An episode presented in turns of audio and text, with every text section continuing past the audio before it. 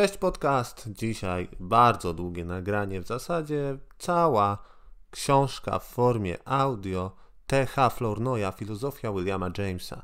Jeśli czytasz Zen Jaskiniowca, blog, który prowadzi Rafał Mazur, jego programy czytałeś, często odwołuje się tam, wspomina tam i cytuje tam um, Williama Jamesa. I te cytaty, to, ten wpływ Williama Jamesa na myślenie Rafała Mazura, na w ogóle myślenie ludzi skutecznych, ludzi, którzy działają pragmatycznie, e, zafascynował mnie na tyle, że wyeksplorowałem tą książkę filozofia Williama Jamesa, gdzie praktycznie wszystkie wątki filozofii, myślenia właśnie Williama Jamesa zostały poruszone przez Flournoya.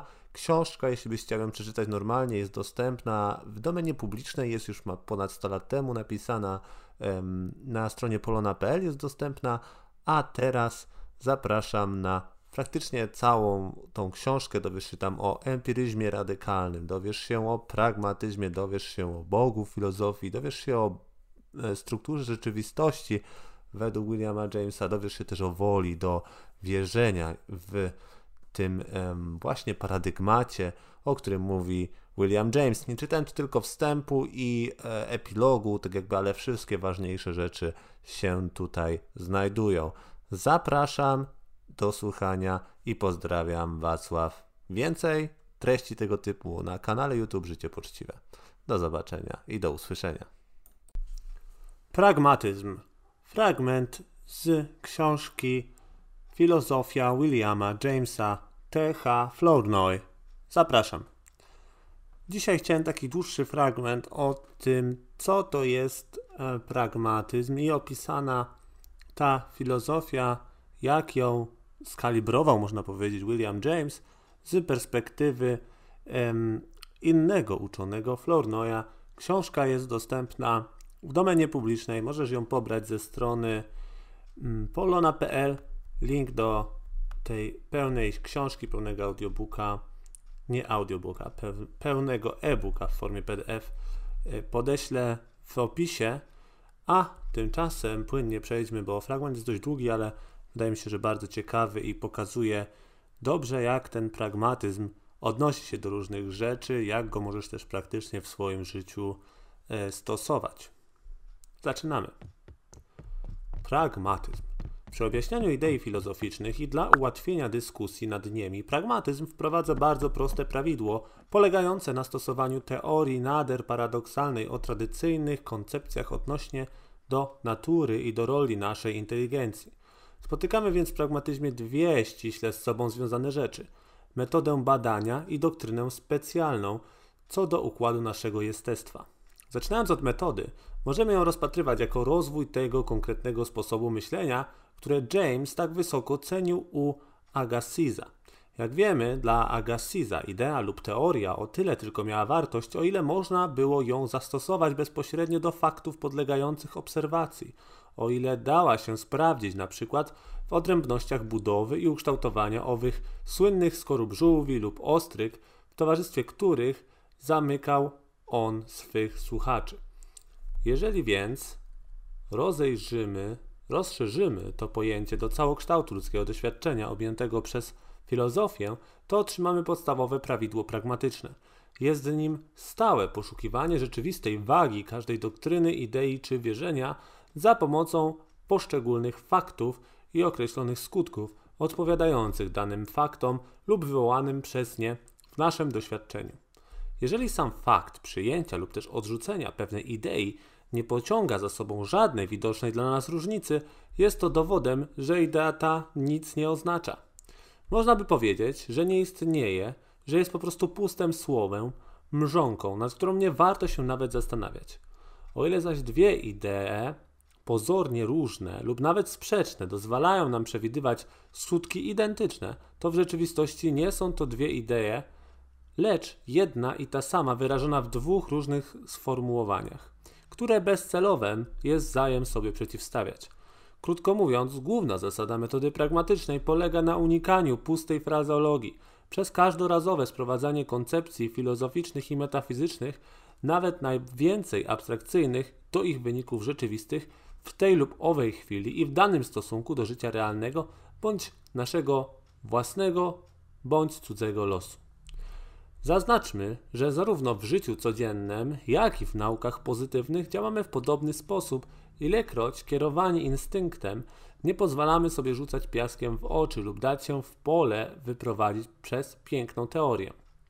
Chcąc poznać jej wartość, staramy się przedstawić ją sobie w zastosowaniu i oceniamy ją według praktycznych konsekwencji. Wszakże najwięcej, nawet skomplikowane teorie fizyczne lub astronomiczne, w gruncie rzeczy bywają oceniane według ich użyteczności praktycznej, jak na przykład w przewidywaniu zaćmień lub też wyjaśnianiu zjawisk elektrycznych i tym podobne. Także właściwie pragmatyzm polega po prostu na wprowadzeniu do filozofii ducha metody naukowej i eksperymentalnej, panującej, a zataczającej coraz szersze kręgi w innych dziedzinach wiedzy. Używając zwrotu w cudzysłowie duch, mam na myśli tendencję tej metody do sprawdzeń konkretnych, nie zaś jej specjalne zastosowanie, jak na przykład rachunek matematyczny lub też eksperymentacja fizyczna czy chemiczna itd. Tak Oczywiście tego rodzaju badań nie da się zastosować przy rozstrzyganiu kwestii filozoficznych, bo wtedy zrywając filozofią, przeszlibyśmy do dziedziny nauk pozytywnych.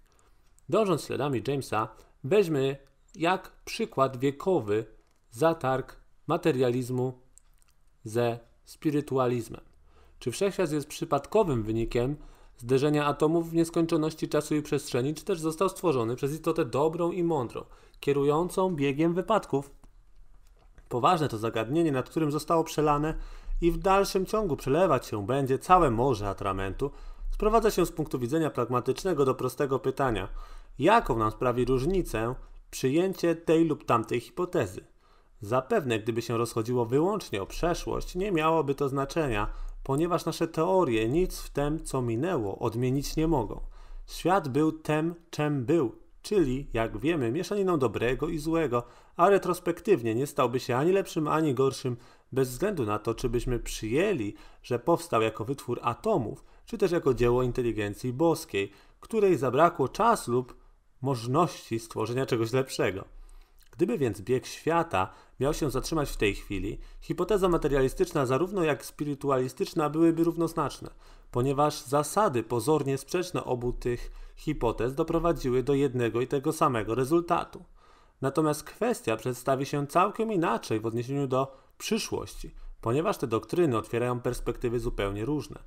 Materializm, kładąc jako fundament przed światem potęgi nieświadome i ślepe, takie jak siły czysto mechaniczne materii itd., tak nie dopuszcza nadziei, by z tych czynników mogło wyniknąć coś trwałego, dobrego, moralnego, duchowo zadawalniającego. Istotnie prorocy kierunku materialistycznego, jak Buechner, Spencer, Hegel i tylu innych, każą nam przewidywać ostatecznie zniweczenie wszelkich objawów świadomego życia wskutek oziębienia planetarnego i zaniku energii. Przeciwnie, spirytualizm, umniej, umniejszając w ręku potęgi inteligentnej i moralnej losy wszechświata, daje nam rękojmie, że wszelakie dobra duchowe stanowiące o całej wartości żywota ludzkiego będą trwały wiecznie i że nawet po rozbiciu tego świata materialnego Bóg stworzy jakieś nowe ukształtowanie, w którym ziszczą się nasze ideały.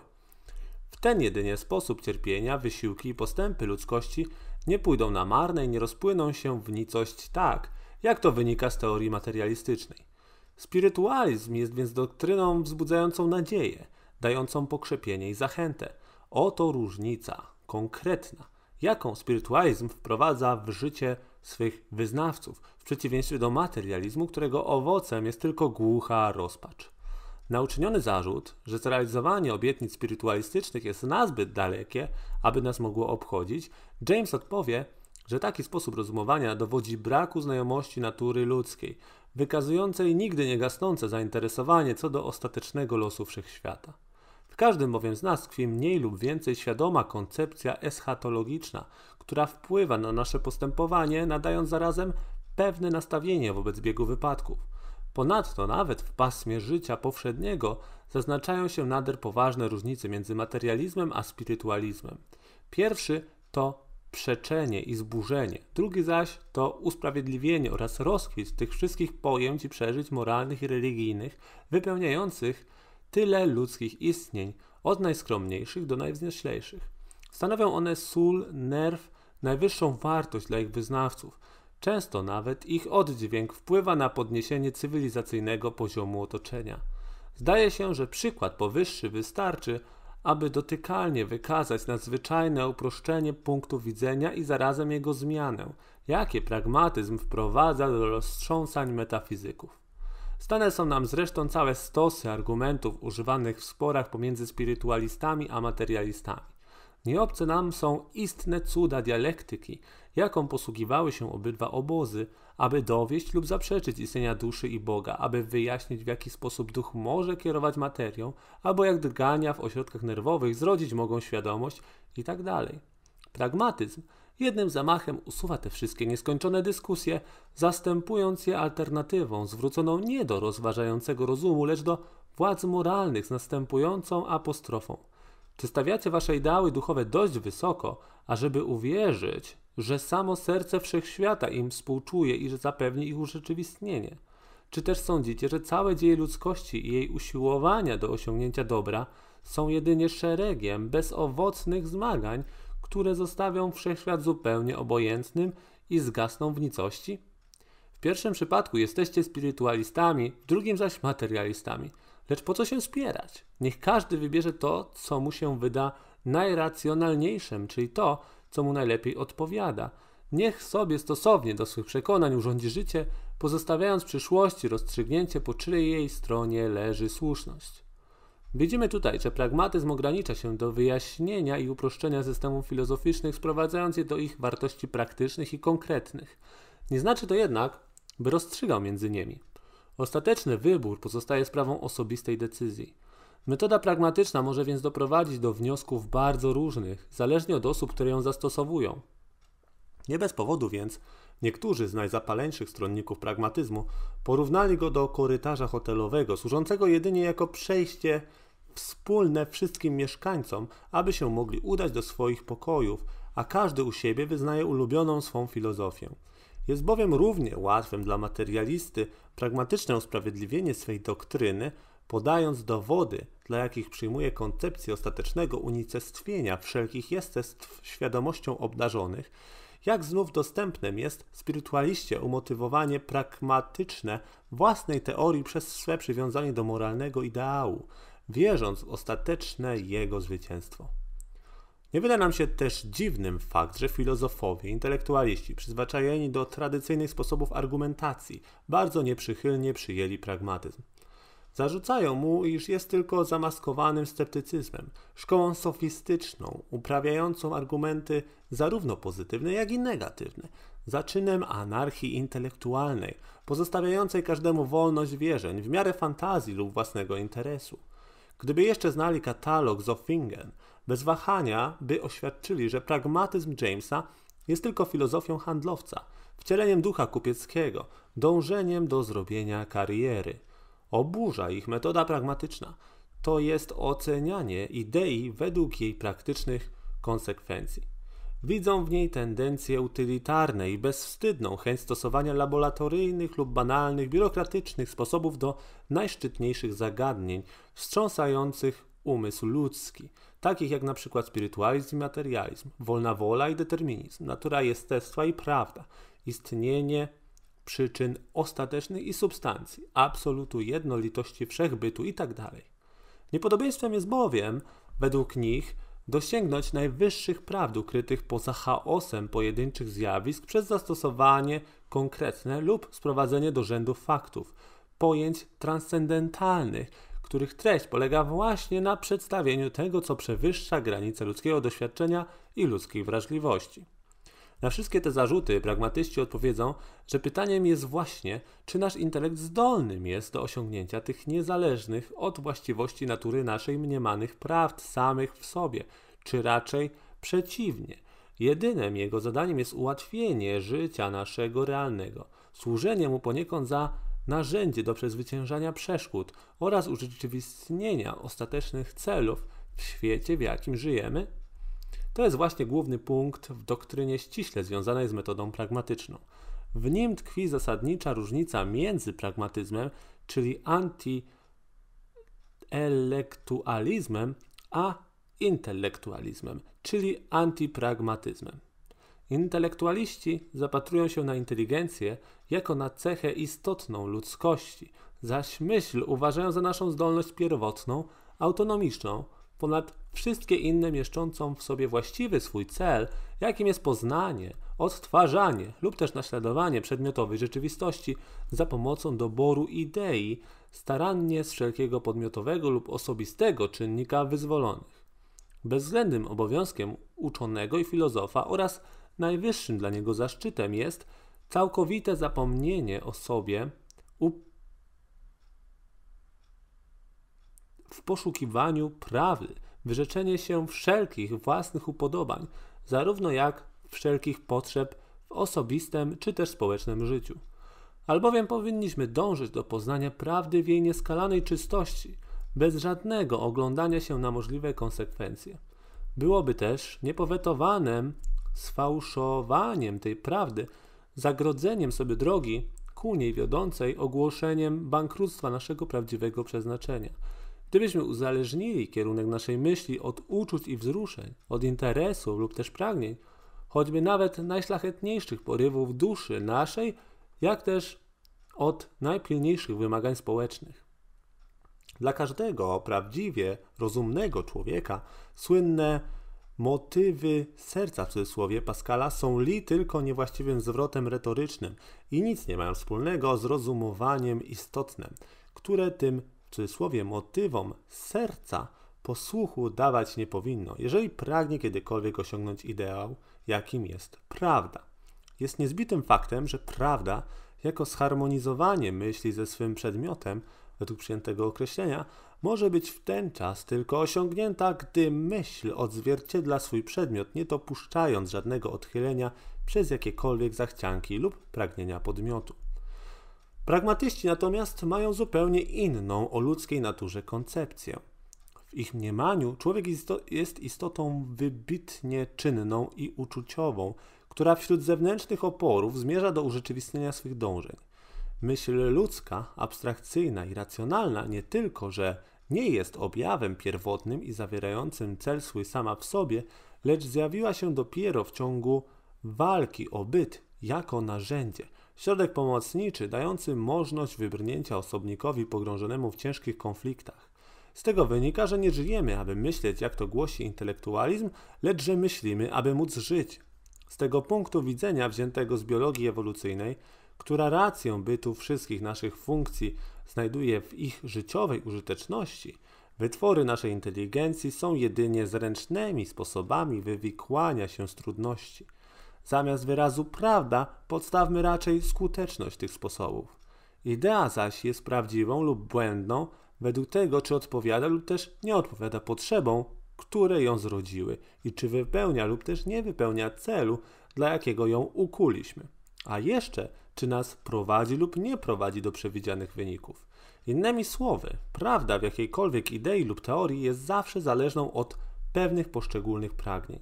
Dlatego oceniamy ją według istotnego użytku i korzyści, jakie nam przynosi, usuwając wątpliwości, w jakich się do niej uciekamy. Inaczej formułując, powiemy, że kryterium prawdy polega jedynie na zadowoleniu, jakiego doznajemy przy rozwiązaniu udręczającego zagadnienia, przez co ze stanu zakłopotania i konfliktu przechodzimy do stanu równowagi, spokoju i harmonii. Na poparcie tej doktryny pragmatyści przytaczają na przykład przykład naszych twierdzeń naukowych i naszego pojęcia zdrowego rozsądku. Odnośnie do tych pojęć, takich jak przekonanie o samodzielnym i trwałym istnieniu przedmiotów konkretnych, wiara w rzeczywistość psychiczną bliźnich naszych, uznanie zwykłych stosunków przyczynowości itd., tak dochodzimy do jasnego wniosku, że takie pojęcia nie mogące się wykazać żadną logiczną koniecznością musiały początkowo być li tylko hipotezami, próbami wyjaśnienia doświadczeń bezpośrednich. Te zapatrywania zaś utrwaliły się tylko dzięki swemu uzasadnieniu, swej użyteczności wobec wielu innych przypuszczeń, które się nie utrzymały. Na przykład dziecię upuściwszy grzechotkę przestaje się o nią troszczyć. Jeszcze bowiem nie posiada świadomości, że przedmioty dalej istnieją, pomimo że ono ich już nie postrzega. Ta świadomość w pewnej chwili wyłonić się musiała pod naporem potrzeby, a stopniowo zakorzeniła się skutek swych wyników owocnych, zmuszając do poszukiwania i odnajdywania przedmiotów, które straciliśmy z oczu. Sama w sobie bowiem myśl oderwana trwanie rzeczy poza jej percepcją jest również alogiczne, tajemnicze, niezrozumiałe, jak i ich pojawianie się i znikanie naprzemienne. Nie uważamy naszych bliźnich za mechanizmy pozbawione świadomości, tak jak Kartezjusz wyobrażał sobie zwierzęta. A tak jak po nim uczeni fizjologowie przedstawiali sobie i istoty ludzkie. Przeciwnie, wierzymy w ich życie duchowe. Wiara ta nie wynika z dowodzenia logicznego, lecz odrzucenie jej pozba pozbawiłoby nas niektórych nieustannych wzruszeń. Pomyślmy na przykład, jak mówi James, jakie uczucie mogłoby w nas wzbudzić nasza narzeczona, gdybyśmy wiedzieli, że jest tylko automatem, świetnie skonstruowaną mechaniczną lalką, reagującą wprawdzie na każde drganie głosu przez oznaki najgłębszej tkliwości, lecz pozbawioną wszelkiego uczucia. Dobrze wiemy, że w poglądach i teoriach naukowych czysto pragmatyczna koncepcja ich wartości lub prawdziwości znacznie wyprzedziła pragmatyzm jako kierunek filozoficzny.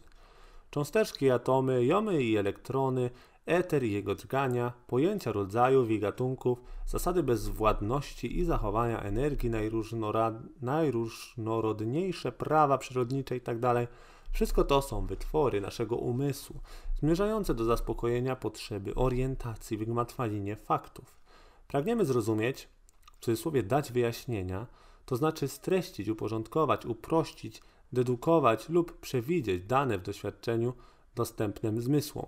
Nie są to prawdy bezwzględne, wyraz równoznaczny z rzeczywistością obiektywną, jakby tego wymagał intelektualizm, lecz są to dogodne hipotezy, postulaty pożyteczne, sposób obejścia trudności, narzędzia pracy, środki, które działają i dają praktyczne wyniki przy wywoływaniu zjawisk. Oto czym są w gruncie rzeczy wszystkie teorie i pojęcia podstawowe, jakimi posługuje się wiedza. Wartość ich i znaczenie polega na wynikach konkretnych, na możliwości przerabiania wiru wrażeń w ustrój ładu i harmonii, dający zadowolenie naszemu umysłowi. Zresztą cel ten wytknięty przez nas dalekim jest jeszcze od urzeczywistnienia i nie brak prawd uznanych za niezbite, nieomylne, jak na przykład koncepcja niezniszczalności atomów, które ulec musiały rewizji, ponieważ nie dały się już z faktami pogodzić. Jeżeli wiedza i zdrowy rozsądek zawsze postępowały w ten sposób, to znaczy przez bezustanne próby i szukanie po omacku aż do ustalenia swych hipotez, przez konkretne doświadczenia, czemuż filozofia miałaby inaczej postępować i przywiązywać się do pustego zakresu uogólnień czczych abstrakcji, zasad absolutnych pozbawionych zetknięcia z rzeczywistością empiryczną? Filozofia wprawdzie tem się różni od innych gałęzi wiedzy, że mając na celu całkowitą koncepcję wszechświata oraz życia, nie może się ograniczać do odpowiadania jakiejś poszczególnej potrzebie naszego umysłu. Mimo to odpowiadać musi. Jeżeli byśmy więc chcieli zastosować jakiś sprawdzian, to powiemy, że filozofia definitywna to jest taka, której prawdziwość nie, nie ulegałaby żadnej wątpliwości. Musiałaby dawać pełne i całkowite zadowolenie wszystkim naszym potrzebom intelektualnym, estetycznym, uczuciowym, moralnym itd., tak biorąc każdą z osobna. Bez wątpienia jeszcze nie jesteśmy tak daleko, nie wiemy nawet, czy ten ideał zostanie kiedykolwiek osiągnięty – Lecz w każdym razie nie zbliżymy się do tego celu, jeżeli wzorem intelektualistów zakażemy filozofii brać pod rozwagę wymagania wzruszeniowej i praktycznej części naszej istoty. Wątpliwym jest, aby intelektualiści i pragmatyści mogli się łatwo porozumieć, albowiem ich sposoby pojmowania roli oraz natury naszej inteligencji są niechybnie wyrazem bardzo głębokich różnic temperamentu i umysłowości. Zagadnienie to pozostawiamy rozważaniom czytelników. Należy jednak dodać, zanim przejdziemy do innej kwestii, że jeżeli James od lat 12 był najwybitniejszym przedstawicielem metody pragmatycznej, nie był on jednakże jej twórcą i nigdy też za takiego się nie podawał. Pozostawił on ten zaszczyt przyjacielowi swemu i rodakowi Karolowi Pierce, znacznie od niego starszemu inżynierowi oraz głębokiemu filozofowi, niestety zbyt mało znanemu. Główna praca Pierce'a, traktująca o tak nas zajmującej kwestii, przeszła prawie niepostrzeżenie, aż dopiero po upływie lat dwudziestu James wydobył ją z zapomnienia, z zapomnienia nadając jej blasku przez swe przystąpienie. Od Pierce'a więc James przejął nazwę i formułowanie zasadnicze pragmatyzmu. Jednakże uprzednio już przed ujęciem go w formę odnajdywał mniej lub więcej wyraźnie jego ducha u wielu wcześniejszych filozofów, mianowicie u swoich poprzedników angielskich empirystów jak Locke, Berkeley, Hume i inni, a w szczególności Stuart Mill. Z tego powodu zatytułował swe dzieło Pragmatyzm, nowa nazwa dla starych sposobów myślenia.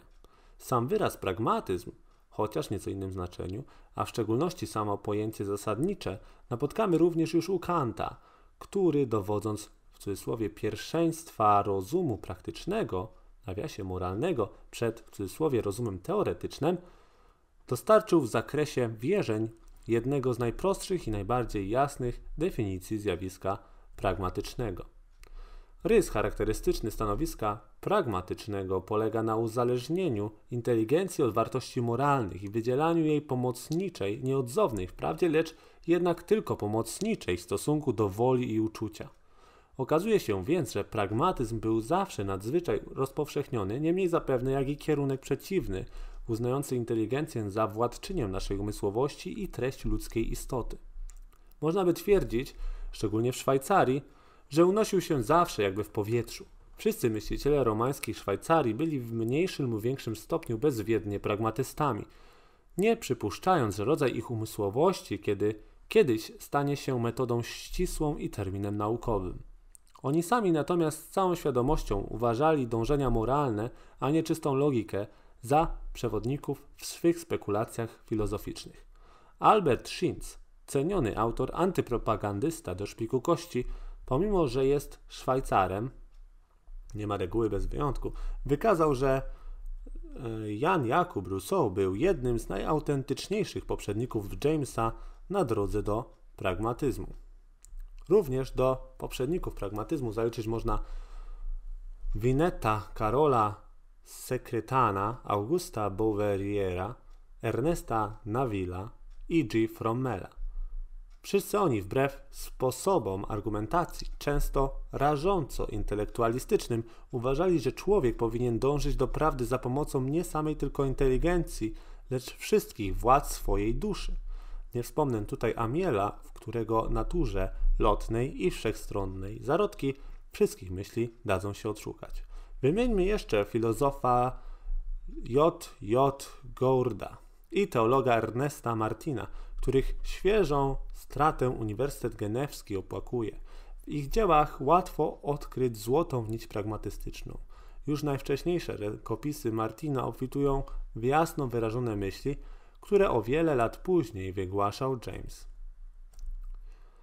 Wróćmy do Gorda. Pod osłoną nader abstrakcyjnej dialektyki, którą, która zapewne nie była w guście Jamesa, pozostawił on nam filozofię nadzwyczaj oryginalną, całą zbudowaną na zasadzie wartości dowolnie przyjętej, nawiasie rozszerzenia umysłowości. Stanowi to pragmatyzm czysty i pociąga za sobą, pomimo różnic terminologii, nader ważne punkty styczne pomiędzy systemem filozofii Gorda i a Jamesem, bez względu na ich zupełną wzajemną niezależność. Stanowimy w sumie naród pragmatystów z urodzenia, antyintelektualistów z instynktu. Sympatie nasze przez naturalne dążenie lgnąć będą do każdej filozofii w kierunku, w rodzaju doktryny Jamesa. Da się to wyjaśnić istnieniem głębokiego oraz subtelnego pokrewieństwa pomiędzy wielkimi prądami myśli filozoficznej, a jakimiś prądami z zakresu politycznego, społecznego, religijnego. James sam kilkakrotnie podkreślił, że jego koncepcje rodzą się z wolnością, wiedzą pozytywną, demokracją, protestantyzmem. W dowodzeniach swych James konkretną rzeczywistość, ścisłe wyniki, poszczególne wypadki, indywidualizm często przeciwstawiał abstrakcji i uogólnianiu. Pragmatyzm przenosi poniekąd na cudzysłowie siedlisko autorytetu w sensie podobnym, jak to czyniła reforma religijna.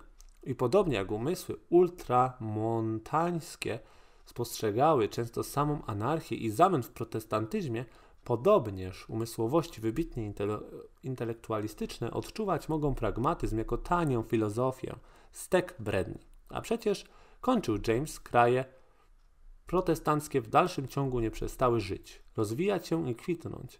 Stąd wróżyć możemy, że takie będą losy tego, w cudzysłowie, protestantyzmu filozoficznego, jakim jest pragmatyzm. Koniec cytatu. Jak słyszeliście, książka napisana Na początku XX wieku, 1910 bodajże, czy 11, wydana w Polsce, także czasem y, pojawiają się słowa takie dość archaiczne, można powiedzieć, że odniesienia do ludzi, o których na pewno nie słyszeliśmy nigdy, y, którzy wtedy byli na topie, ale to nic, bo najważniejsze, że y, książka świetnie tłumaczy e, niektóre aspekty filozofii właśnie Williama Jamesa. Jedną z, jeden z aspektów, który chciałem dzisiaj przeczytać, to mm, właśnie ten o pragmatyzmie, ale jest tutaj dużo więcej ciekawych rzeczy, także być może jeszcze raz e, do tej książki sięgnę po jakiś kolejny fragment. Ale uważam, że pragmatyzm to jest jedna, jedna z takich najbardziej praktycznych mm, książek, treści filozofii, które gdy faktycznie zaczniemy myśleć w tym kierunku w naszym życiu, szczególnie pod względem informacji, które konsumujemy, jak to może nam pomóc, jak to faktycznie praktycznie wpływa na nasze życie, wtedy um, przestajemy się zastanawiać nad wieloma głupotami, które nie mają znaczenia, a zaczynamy coraz częściej skupiać się i decydować w kwestiach takich, co wierzyć, co, jaką filozofię wyznawać w kwestii praktycznej, czyli w kwestii faktycznej zmiany pozytywnej życia. Bo e, tak jak tutaj był długi wywód a propos stworzenia świata, e, pewne rzeczy, e, mimo że nie mogą być skwantyfikowane, nie możemy mieć pewności, to wiara w pewne rzeczy, przyjęcie pewnego mm, stanu umysłu sprawi, że przyszłość będzie dla nas lepsza. Będziemy, będzie się nam lepiej żyć po prostu. E, dlatego tak ważny jest świadomy wybór po prostu tego, co jest dla nas lepsze, a niekoniecznie, um, niekoniecznie tego, co um, tego, co byśmy mogli e, w nieskończoność tak by debatować. I, i, I to jest tak jak taki kluczowy punkt, jeśli chodzi o tą pragmatyczną filozofię Williama Jamesa, e, z którą zapoznał mnie głównie na początku um, Rafał Mazur z Zenia Skryniowca i dlatego też ją bardziej poeksplorowałem właśnie u źródła Williama Jamesa i też po to się z Wami tym dzielę, bo myślę, że to może faktycznie zmienić perspektywę. Dziękuję bardzo za oglądanie, za słuchanie. Wacław Życie Poczciwe. Widzimy się w kolejnym odcinku już wkrótce. Do zobaczenia, cześć.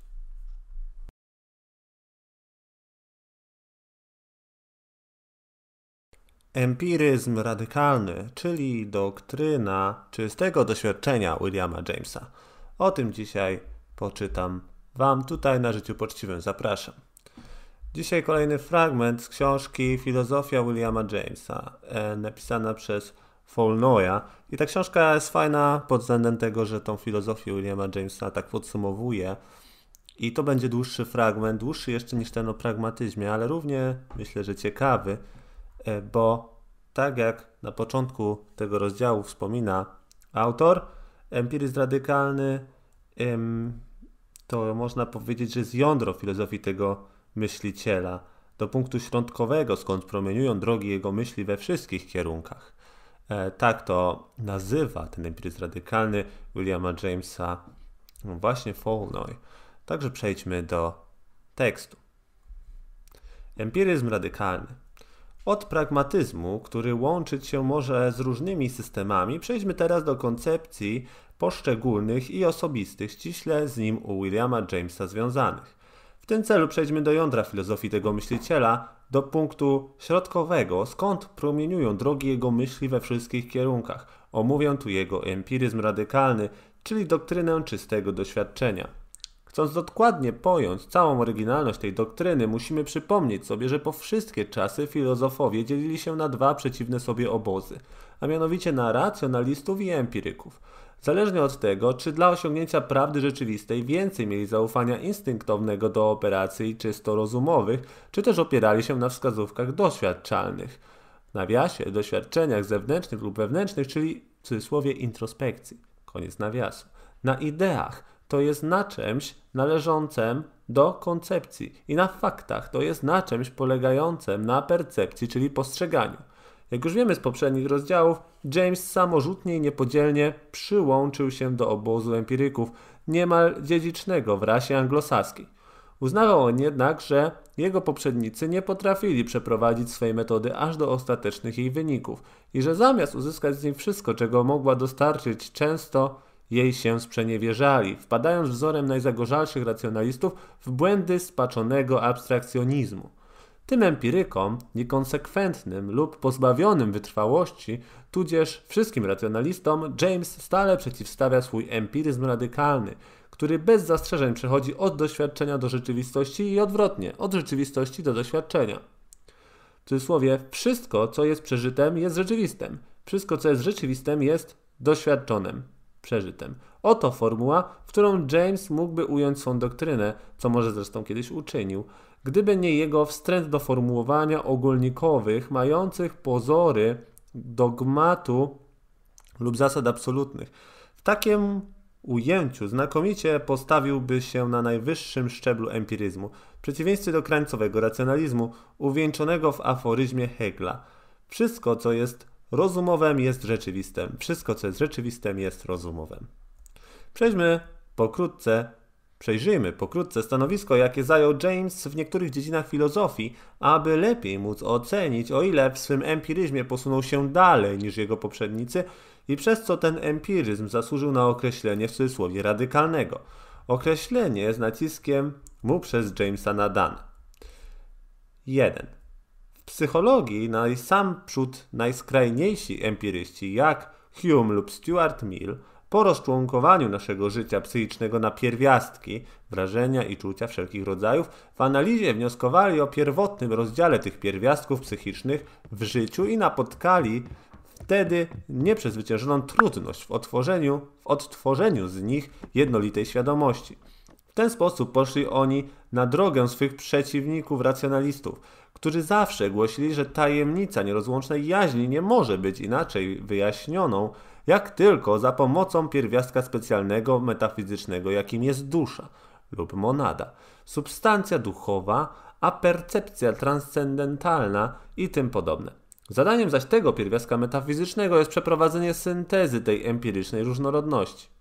Na to James odpowiada, że dusza jest tu hipotezą podwójnie zbyteczną – Najpierw jest tylko słowem podstawionym zamiast wyjaśnienia, bo gdyby istotnie świadomość nasza składała się z pierwiastków odrębnych, trudno byłoby pojąć w jaki sposób jeden pierwiastek dodany, jednostka metafizyczna niedostępna dla bezpośredniej obserwacji, zdołałaby połączyć te rozpierzchłe pierwiastki w jedną całość. Wprowadzenie na widownię jakiegoś deus ex machina, obdarzonego zagadkową mocą urzeczywistnienia tego, co jest dla nas niepojętem, nie daje rozwiązania problemu. Poza tym i przede wszystkim pojęcie duszy jest zbyteczne, ponieważ trudność, z powodu której pojęcie to wprowadziłoby należało, wprowadzić by należało, nie istnieje. Nieprawdą jest bowiem, że nasze życie psychiczne składa się z różnych pierwiastków niezależnych, które by się musiało między sobą łączyć. To albowiem, co bezpośrednio doświadczenie nam przedstawia, jest różnorodnością zawartą w jednym akcie i w jednym polu świadomości. Jednolitość jest tutaj tak samo pierwotną, jak i różnorodną. Nie ma więc potrzeby wyjaśniania jednej więcej niż drugiej. Musimy ograniczyć się do samego stwierdzenia faktu jedności różnorodnej lub różnorodności w jedność.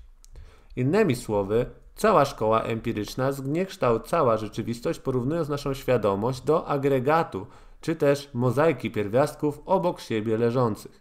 Istnego wiru pyłków lub wreszcie deszczu iskier w ogniach sztucznych itd. Tak Jedynym porównaniem, mniej więcej odpowiadającym bezpośredniej obserwacji, byłby obraz nieprzerwanego prądu rzeki, której fale następujące po sobie bez rzeczywistej przerwy zlewają się bezpośrednio w jedną jedna w drugą. Nasza myśl abstrakcyjna, wyprowadzając pojęcia stałe i ściśle odgraniczone, wyodrębnia i utrwala dowolnie pewne części i w świadomości, nie, trącząc, nie troszcząc się o ich przebieg istotny. Podobnie jak przy zdjęciu migawkowym fotografujemy konia w galopie lub pociąg błyskawiczny w ruchu, utrwalając na papierze zdjęcie nieruchome. Jednakże obraz ten nie będzie oddaniem biegu pociągu lub ruchu konia w galopie, ponieważ ta fotografia nie może oddać szybkości ani siły żywej istniejącej w rzeczywistości. Ta sama jest różnica między naszym życiem psychicznym, takiem, jakie bywa przeżywane w istocie, a tymże życiem, jakie istnieje w pojęciu lub też w naszych opisach i analizach logicznych. Na przykład pojmujemy czas teraźniejszy jako punkt matematyczny lub jako ostrze noża, przedzielające przeszłość już minioną od przyszłości mającej dopiero nastąpić. Natomiast w rzeczywistości te trzy stany zlewają się ze sobą bez żadnej zapory, która by je dzieliła. Każda chwila naszego bezpośredniego przeżywania jest stawaniem się, trwaniem, ciągłością bytu. Obejmuje ona równocześnie w niepodzielną całość zarówno teraźniejszość przeobrażającą się w przeszłość, jak i przyszłość, której kiełkowanie odczuwamy już w chwili obecnej. Mowa ze swymi oddzielnymi wyrazami i logiką z utrwalonymi pojęciami jest jednak niezdolną do oddania tej rzeczywistości ruchomej i płynnej, wymagającej bezpośredniego przeżycia, aby być pochwyconą taką, jaką jest w istocie. Nawet tam, gdzie sądzimy, że zachodzi nagła przerwa w ciągłości i proste zestawienie po sobie następujących stanów, jak to bywa na przykład, gdy wśród ciszy raptownie huknie strzał, przy dokładnej obserwacji siebie samych zauważymy, że stan pierwszy ciągnie się w drugim bez żadnego wyraźnego rozdziału. Gdybyśmy więc to, co odczuwamy, ściśle określić chcieli, należałoby powiedzieć, że ten nowy nasz stan nie jest postrzeganiem wystrzału, lecz postrzeganiem wystrzału, który przed chwilą raptownie przerwał ciszę. Albowiem wrażenie czy wspomnienie ciszy minionej trwa jeszcze jako część integralna w obecnym postrzeganiu hałasu. Streszczając, powiemy, że chociaż każda chwila życia naszego, każde drgnienie naszej świadomości przedstawia zawartość różnorodną, złożoność postaci czy przedmiotów, jakie myśli nasza rozróżnia i jakie może za pomocą abstrakcji rozpatrywać każde odrębnie od reszty, nie oznacza to jednak, że aby to drganie świadomości było samo w sobie złożone z licznych odłamków, których syntezę wytłumaczyć by należało. Ani też z tego nie wynika, by całość życia naszego stanowiła serię drgań oddzielnych, które by trzeba łączyć jedne z drugimi tak, aby paciorki różańca za pomocą ukrytej nici metafizycznego podłoża. Faktycznie zaś ciągłość, tożsamość, jednolitość naszej świadomości lub naszej indywidualności są to rzeczy bezpośrednio i konkretnie odczute, przeżyte, przeto rzeczywiste w równej mierze, w jakiej są nam dane. Empiryzm radykalny Jamesa starannie stwierdzając je i opisując lepiej czy gorzej, zarazem wystrzega się błędu popełnianego przez empiryków szkolnych, to jest nie traci z oczu tych faktów, ani też nie wyszukuje dla nich rzekomego wyjaśnienia w zasadach niedostępnych doświadczeniu, jak to czynią racjonaliści. 2. W epistemologii, czyli teorii poznania, filozofia Jamesa zajmuje tożsamo stanowisko pośrednio pomiędzy obu skrajnymi kierunkami. Wiemy, że w każdym akcie rozpoznawczym analiza odkrywa dwa rodzaje czynników – z jednej strony intuicje odczuwalne oraz dane postrzegania, z drugiej zaś pierwiastki intelektualne służące do ich łączenia, takie jak pojęcia tożsamości, podobieństwa różnicy przestrzeni i czasu, jakości i ilości, przyczynowości i celów, możliwości i konieczności, rzeczywistości itd. Tak Jednym słowem, wszystkie te pojęcia stosunku, które są jakby kośćcem naszej myśli logicznym, rusztowaniem naszych konstrukcji naukowych i filozoficznych. Otóż empirycy zawsze byli zawsze w kłopocie wobec tych czynników intelektualnych, dla których nie mogli wynaleźć zadowalającego źródła pochodzenia w danych zmysłowych. Racjonalistom zaś te czynniki intelektualne dawały, dały pochop do przyjęcia zasad uprzednich, wyższych ponad wszelkie doświadczenia, nazywanych przez nimi pojęciami wrodzonymi, koncepcjami a priorystycznymi, kategoriami pojmowania, aktami syntetycznymi czystego rozumu itd. Tak James tutaj, jeszcze opierając się na introspekcji, stwierdza, że wszystkie zależności, jakie myśl nasza tworzy pomiędzy danymi zmysłowymi, są zaczerpnięte z bezpośredniego przeżycia równie dobrze, jak same odczuwalne dane. W ten sposób owe słynne kategorie intelektualne, które były zawsze kamieniem węgielnym racjonalizmu, a kamieniem obrazy klasycznego empiryzmu, nie przedstawiają żadnego szkopułu w empiryzmie radykalnym, albowiem chociaż te koncepcje dla powierzchownej obserwacji logików wydać się mogą nieuchwytnymi i czysto rozumowymi, Jednak ścisłe badanie psychologiczne z łatwością stwierdza, że jak i inne dane doświadczenia są one zaczerpnięte z faktów świadomości, których konkretna rzeczywistość jest niezaprzeczalna. Bo też życie nasze wewnętrzne jest znacznie bogatsze, subtelniejsze, wiele więcej posiada odcieni i głębin niż to przyznała większość filozofów, tak dobrze empiryków, jak i racjonalistów. Życie to, analizowane z dostatecznie ścisłą przenikliwością, zawiera jeszcze wiele oryginalnych doświadczeń, które uszły uwadze tak jednej, jak i drugiej szkoły filozofii. To właśnie ważne psychologiczne odkrycie Jamesa jest podstawą jego empiryzmu radykalnego w epistemologii oraz metafizyce. Przed Jamesem za dane odczuwalne lub za istotne fakty świadomości uważano tylko te zjawiska, które przez swą ciągłość, utrwalenie w pamięci lub też wyobraźni wyróżniły się na tyle, aby móc przykuć uwagę tłumu i zasłużyć w naszej mowie na nazwę jak na przykład czerwony, zimny, twardy, stół, góra, radość, gniew i tym podobne. Zresztą nawet i w mowie istnieje wiele wyrazów, jak na przykład spójniki przyimki, do których wyszukiwać odpowiednika rzeczywiście odczuwa, odczutego lub doznanego nikomu by przez myśl nie przeszło. Albowiem wyrazy te nie są danymi istotnymi, lecz tylko logicznymi zależnościami, jakie wyrazić się dadzą za pomocą prostych słówek jak lecz, ale dla tego, o ile, że, albowiem, jeżeli i tym podobne. James I w swoim słynnym dziele o niektórych opuszczeniach w psychologii introspektywnej Zauważył, że wyrazy, choć same w sobie tak pustymi nam się wydają, nie są jednakże obojętnymi dla naszej wrażliwości, gdyż każdy z nich osobna wymówiony wprowadza nas w pewien stan umysłu, w psychiczne nastawienie, w pewien nastrój oczekiwania, poniekąd wzruszenia zupełnie pozytywnego i wyraźnego. Powiedzieć by można, że istnieje jakieś odczucie odrębne dla takich zwrotów jak te. Jeżeli, ale, ani, albo, więc, pod warunkiem, że.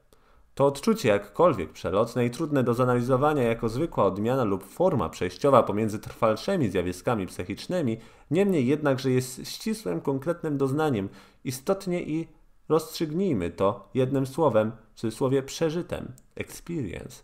Zarówno jak stany rzeczownikowe, najdobitniejsze wrażenia, postrzegania, wyobrażenia, wspomnienia. Wprawdzie w życiu codziennym nadto jesteśmy pochłonięci tymi ostatnimi stanami z powodu ich praktycznej wagi i względnie nieprzerwanej trwałości, abyśmy mogli być zdolni do zaobserwowania stanów przejściowych, które je ze sobą łączą, tak jak lot lub skok ptaka z gałęzi na gałąź. Łączy pozycje utrwalone, w jakich go oglądamy. Jednakże tak jak przenoszenie się ptaka pomimo jego szybkości jest faktem równie niezaprzeczonym, jak jego postoje tak też przelotność, z jaką przechodzimy z jednego stanu psychicznego w drugi przez wymawianie lub też wsłuchiwanie się w toku zdania w drobne wyrazy stanowiące łączniki, nie powinno nam zasłaniać rzeczywistości tegoż okresu pozytywnej oraz przeżytej. To, co tu wypowiedziałem o objawach świadomości odpowiadających przyimkom lub spójnikom, jest tylko próbką tych stanów przejściowych nieuwzględnianych aż do chwili, gdy James przywrócił im pełnię praw psychicznych – rzeczywistości na równi ze stanami rzeczownikowymi. James wynajduje wiele innych jeszcze przykładów, które choć nie są umieszczone w słowniku, jednakże gdy się nad nimi zastanowimy, dają nam właściwą osnowę naszego życia, jako to odczuwanie dążeń, znaczeń, zamiarów intelektualnych i moralnych nastawień, ukrytych kierunków myśli, jednym słowem różnorodnych poruszeń wewnętrznych, które określamy według celu, do jakiego ostatecznie prowadzą, i to w ten sposób, że postrzegamy już tylko kres ten, a tracimy z oczu cały przebieg przejściowy. Zarówno rzeczywisty jednakże, który ku temu końcowi prowadzi. Jeżeli się zabiega tak, jak to czynił James, a psychologia współczesna coraz więcej do tego się przykłada, by uwzględniać te nieuchwytne pierwiastki naszego życia duchowego, to się musi stwierdzić, że zakres przeżyć wyraźnie doznanych rozciąga się znacznie poza granice grubszych wrażeń, które wyłącznie zwróciły uwagę poprzednich badaczów. Zakres tego rodzaju wrażeń tak zaś jest rozległy, że ostatecznie obejmuje wszystko, nawet całokształt intelektualnych kategorii i w tym paśmie nieprzerwanych danych oraz bezpośredniego doświadczenia nie pozostaje luk ani przerw, przez które dałoby się wprowadzić pierwiastki innego rodzaju, jakimi są tak zwane aprioprystyczne zasady racjonalistów. 3. Pozostaje jednakże rozstrzygające pojęcie epistemologiczne, które wydaje się być wyjątkiem i nie dawać się wprowadzić do doświadczenia, a mianowicie samo pojęcie w cudzysłowie prawdy, czyli stosunek wiedzy do odnośnego przedmiotu, czyli w istocie, czyż posiadanie przedmiotu nie jest treścią wszelkiej wiedzy, czyż nie zamierza, czyż nie zmierza ona do czegoś, co znajduje się poza jej granicami, czegoś różniącego się od niej, transcendentalnego w stosunku do niej i czyż nie jest oczywistym, że ten stosunek rozpoznawczy lub myślowy jest natury czysto konceptualnej, absolutnie różnorodnej i niewspółmiernej z faktami postrzegalnymi, danymi, przeżytymi, które po prostu są, lecz do niczego nie zmierzają poza sobą.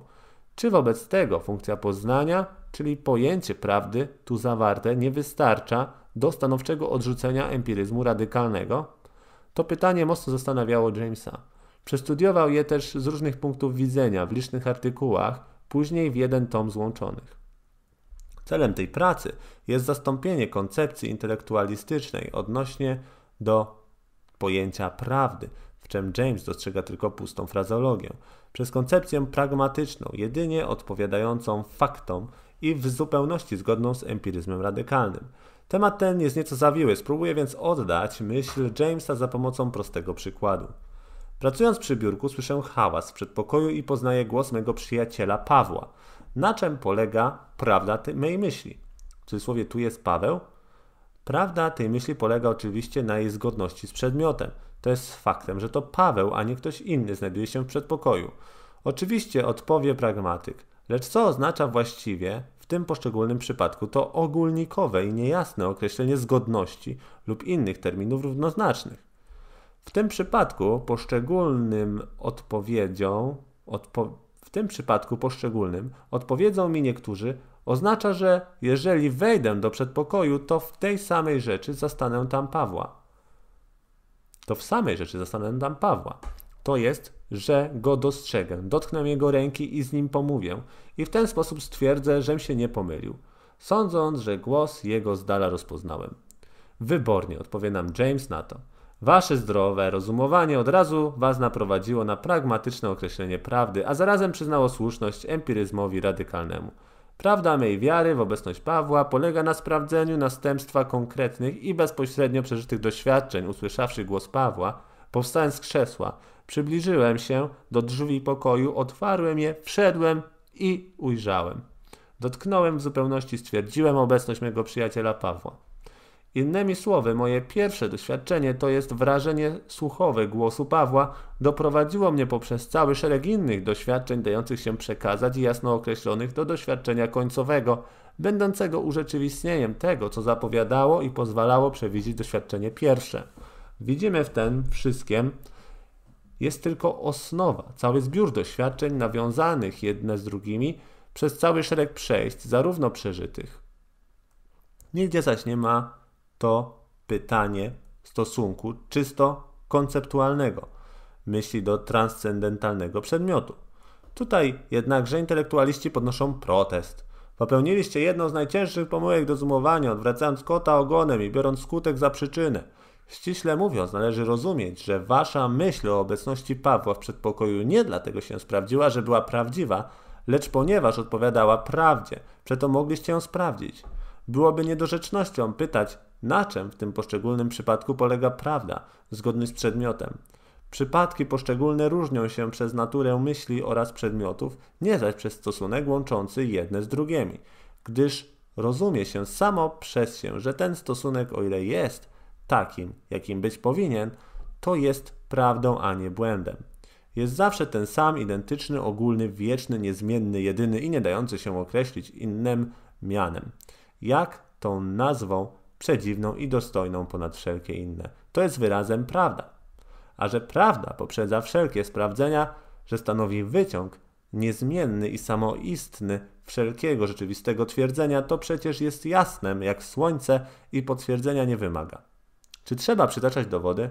Z dwóch sprzecznych twierdzeń, w cudzysłowie Mars jest zamieszkały, Mars nie jest zamieszkały, logika nam wskazuje, że jedno twierdzenie jest prawdziwe, drugie zaś błędne. Żałować należy, że nie wiemy, które za słuszne uznać mamy, lecz to sprawy w niczym nie zmienia, ponieważ to dowodzenie, które jest prawdziwe, jest niem samo w sobie, niezależnie od niedostępnych nam sprawdzeń. Można nawet powiedzieć, że takiemu to jest prawdziwem zawsze było i nadal pozostanie, bo chociażby nawet stan Marsa uległ zmianie, w niczym by to jeszcze nie wpłynęło na wieczną prawdę twierdzenia, wyrażającego czym jest stan ten w roku pańskim obecnej rachuby. Nie jest nawet potrzebnym, aby twierdzenie było pomyślane, ażeby być prawdziwym. Wiemy, że we wszystkich możliwych parach twierdzeń sprzecznych, nawet tych, które jeszcze nikomu przez myśl nie przeszły i być może nigdy nie przejdą, istnieje bezwarunkowo jedno twierdzenie prawdziwe. I czyż scholastycy, łącząc zasadniczo wszystkie te twierdzenia prawdziwe, nie utworzyli już koncepcji prawdy zupełnej, absolutnej, Także wszelkie odkrywanie przez nas prawdy, wszelkie odkrywane przez nas prawdy częściowe są tylko drobnymi okruchami. Sprzeciwy intelektualistów nie wywierają żadnego wpływu na rozumowanie Jamesa. Widzi on w tym tylko słowa, abstrakcjonistyczną mrzonkę tej teorii platońskiej, tworzącej z prawdy jakoby pośrednie królestwo, coś poprzedzającego wszelką istotną wiedzę, unoszącego się na kształt nieujętnej mgławicy pomiędzy rzeczywistością z jednej, a myślą z drugiej strony.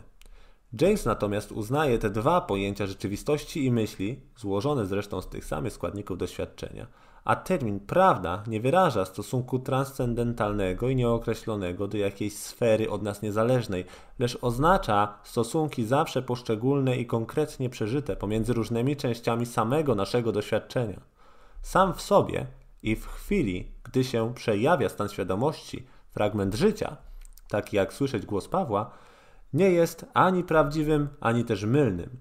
Stan ten po prostu istnieje i bezpośrednio ujawnia swą rzeczywistość. Jednakowoż, jeżeli ten stan pierwszy przez szereg konkretnych stanów pośrednich, jak na przykład wstawać, przejść do przedpokoju, doprowadza do nowego doświadczenia, które odczuwamy jako jego rozwój, rozkwit, całkowite potwierdzenie, bezpośrednie widzenie Pawła, lub też przeciwnie, jako jego niepowiedzenie, niedopisanie, znalezienie się wobec człowieka obcego, którego głos przypisałem Pawłowi, wtedy stan ten pierwszy będzie retrospektywnie uważany jako prawdziwy lub też błędny z punktu widzenia doświadczenia aktualnego, które to doświadczenie nie jest ani prawdziwe, ani błędne samo w sobie, lecz jest tym, czym jest. Obecność bezpośrednia Pawła lub też obcego człowieka. Jednym słowem, dla Jamesa prawda nie jest tak, jak dla intelektualistów, własnością samą w sobie, zawartą, a nie dającą się określić. Jest ona czymś zależnym raczej od warunków zewnętrznych, przygodnych, czymś, co się przyłącza do danych doświadczenia. Prawda polega na pewnym ustosunkowaniu się konkretnym, zachodzącym pomiędzy tymi danymi a późniejszym przebiegiem doświadczenia. Odnośnie do prawd, które znajdujemy ustalone, jak na przykład punkt topliwości ołowiu leży przy 330 stopniach, ćwiczenie wzmacnia zdrowie, kwadrat przeciwprostokątnej równa się sumie kwadratów i tym podobne, są to wyniki poprzednich doświadczeń, formułki, które wtedy tylko nabierają życia, gdy współdziałają w jakiejś okoliczności aktualnej, ażeby pokierować naszym postępowaniem materialnym lub intelektualnym, a w ten czas prawda ich zasadza się na ich zastosowaniu praktycznym, na ich skuteczności w kierowaniu nas ku nowym, zadawalniającym doświadczeniom, które na nowo prawdę tych formułek potwierdzają. Nie mogę się kusić o stosowne przedstawienie w krótkich słowach całej doktryny Jamesa o pojęciu prawdy. To, co powyżej wyłuszczyłem, wystarcza jako rzut oka na sposoby, jakimi James, podstawiając punkt widzenia pragmatyczny zamiast poglądu intelektualistycznego, dochodzi do pogodzenia teorii poznania ze swym empiryzmem radykalnym. 4. W metafizyce wreszcie są filozofowie najhałaśliwiej oświadczający się za metodą doświadczalną, którzy jednak zachowują się jak skrajni racjonaliści, gdy rzekomo celem wyjaśnienia świata zjawisk wyobrażają sobie poza nim jeszcze coś innego, jako podłoże lub też podporę, jakąś rzeczywistość pozazjawiskową, pozadoświadczalną. Absolut ukryty w głębi czegoś względnego w rodzaju nierozpoznawalnego Spencera, siły materii, Buchnera, substancji Hekla, Boga czy też myśliciela wszechwiedzącego Roysa i tak empiryzm radykalny Jamesa odrzuca wszystkie te metafizyczne zasady, zarówno dowolne i zbędne w jego mniemaniu, jak a prioryzm w epistemologii lub dusza w psychologii. W rzeczy samej wymysły te nie dostarczają nam bynajmniej dokładnego wyjaśnienia żadnego zjawiska, ponieważ nie można z nich wnioskować nic poszczególnego ani też konkretnego. Stanowią one jedynie złudną podporę dla świata empirycznego, który nie wie, co z nią począć, wystarczając w zupełności sobie samemu. Po co kusić się na podtrzymanie i wzmacnianie zjawisk przez jakąś tajemniczą i niedostępną poza nimi ukrytą wielkość, która by bezwłocznie wymagała znów innej, by się na niej móc oprzeć i tak kolejno w nieskończoność, bo gdzież byłaby ostateczna granica? Indyjska mitologia opiera wszechświat na grzbiecie słonia, który stoi na żółwiu. Żółw zaś na niczym się nie opiera. Jeżeli więc do tego braku wszelkiej podstawy niechybnie prędzej czy później dojść musimy, czyż nie będzie rozsądniej od razu usunąć hipotezę żółwia, zarówno jak słonia i przyznać, że świat doświadczeń stoi sam przez siebie, bez żadnej obcej podpory? Jakże dziecinne jest dążenie metafizyków do wyjaśnienia danej mm, wielkości przez wielkość domniemaną, o jakiej nie można wyrobić sobie pojęcia inaczej, jak przez symbole zapożyczone od pierwszej wielkości, która przez to samo musiałaby ostatecznie być przyjęta jako prosty fakt niewytłumaczony. Należy z góry zaniechać trudu logicznego dowodzenia jakiejkolwiek rzeczywistości. Wykazanie, jak istnienie wyszło z nicości, ustalenia konieczności istnienia świata oraz Boga. Jesteśmy obecnie całkowicie rozczarowani do zręcznych sztuczek kuglarskich, jakimi dialektyka Hegla usiłowała cudu tego dokonać. Szczera filozofia nie bierze już udziału w odsłanianiu, w jaki sposób rzeczywistość powstała. Przyjmuje ją już istniejącą i zamierza jedynie zbadać jej szczegóły oraz cechy, lecz nie wyjaśnia istnienia rzeczywistości, która pozostanie raz na zawsze faktem zagadkowym, a logicznym, niewspółmiernym, niezgłębionym dla myśli naszej. Dlaczegoż bowiem istnieje coś zamiast niczego? Dlaczego to coś jest takiem, a nie innym? Pytanie to nie da się rozwiązać, nie przeszkodzi to zresztą, że się ono zawsze nasuwać będzie mimowolnie każdemu człowiekowi myślącemu.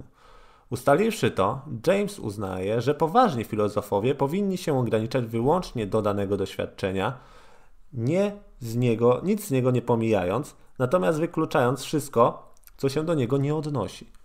Po tych wywodach, jak przeprowadziłem, łatwiej będzie pojąć nader zwięzły szkic o empiryzmie radykalnym pozostawiony nam przez Jamesa.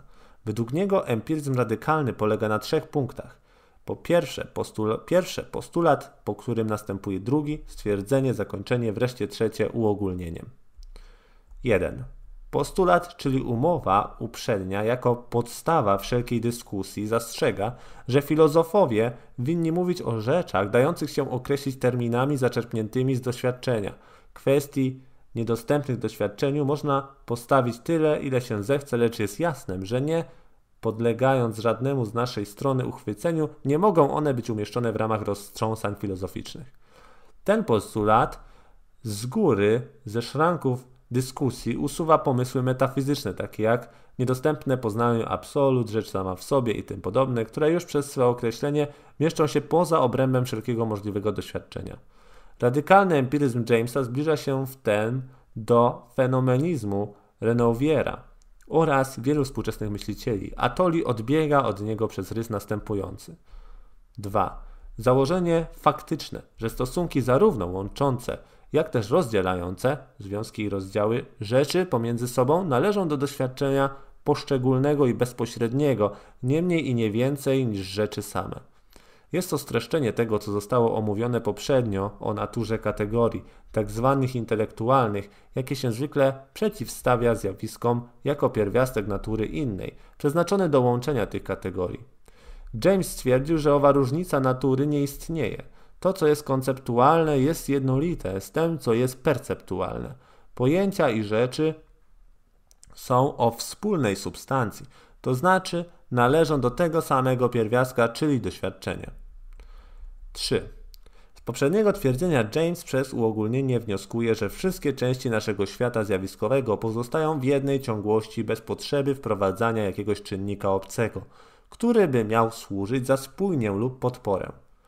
Części doświadczenia złączone są bezpośrednio między sobą związkami, które również należą do doświadczenia.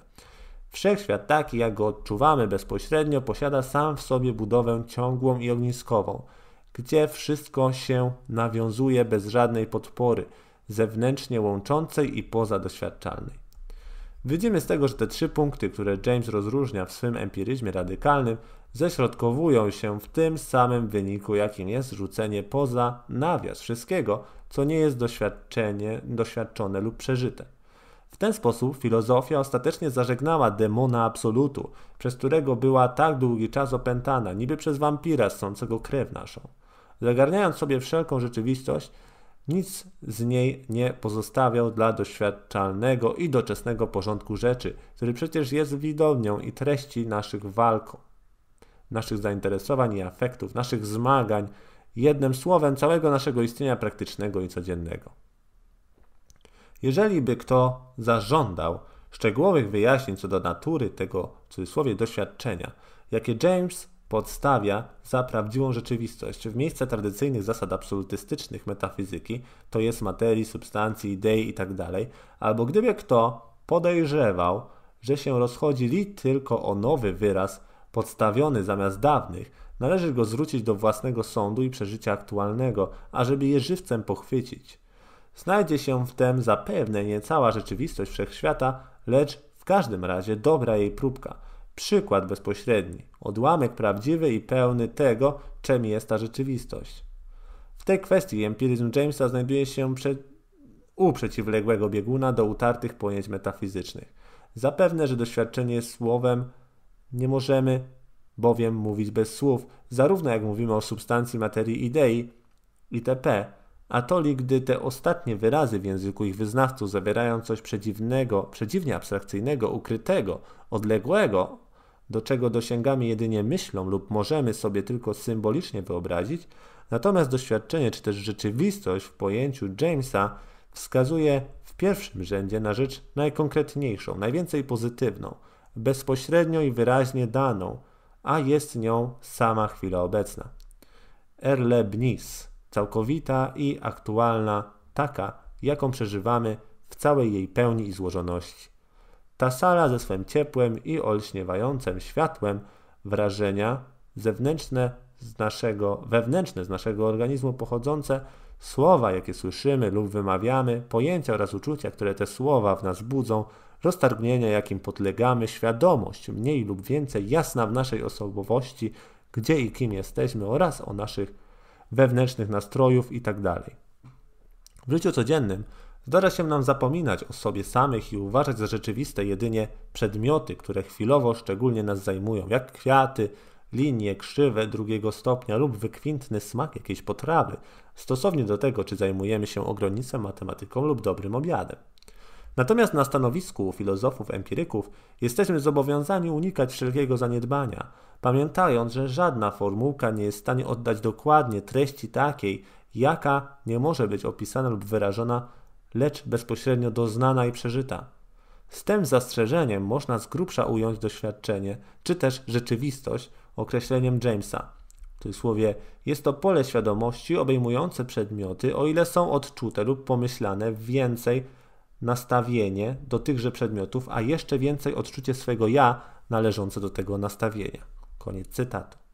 Chwila aktualna, przeżywana w swej konkretnej i płynnej całości, chwila, której nieuchwytna teraźniejszość przeistacza się w przeszłość, a ustępuje przyszłości, oto dla każdego z nas oś wszelkiej rzeczywistości, ośrodek wszelkiego poznawania reszty rzeczy.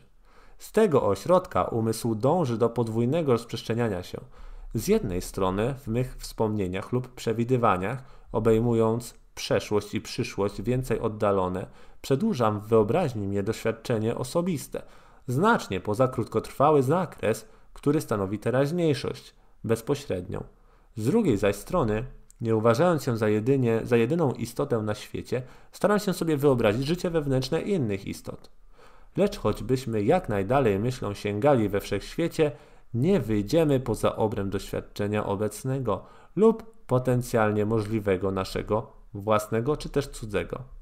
Nawet rzeczy, tak zwane materialne, ten stół, cząsteczki i atomy, które go tworzą, kamienie i tym podobne, o ile są czymś więcej dla nas niż postrzeganiem i wyobrażeniami, jeżeli istnieją same w sobie, mogą być pojęte li tylko jako stany świadomości, a więc znów doświadczenia może mętne i niewyraźne, a jednak tejże samej natury co i nasze.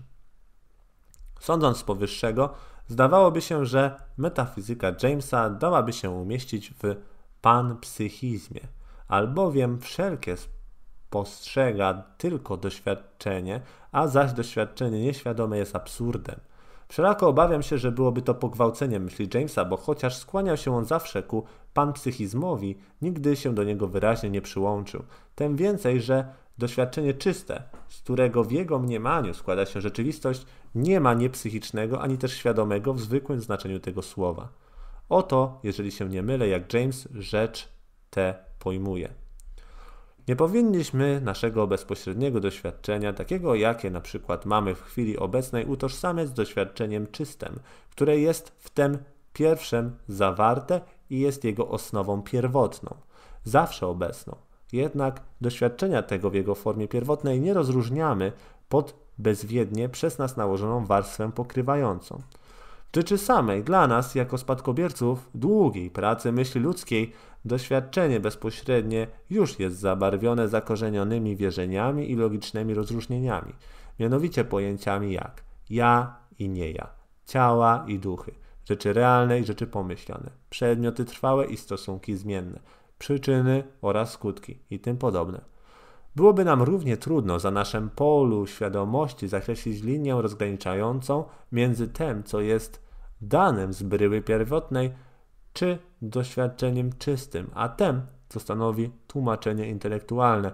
Podobnie jak trudnem bywa w wystawionej panoramie rozróżnienie miejsca dokładnego, gdzie przedmioty rzeczywiste pierwszego planu łączą się z tłem malowanym.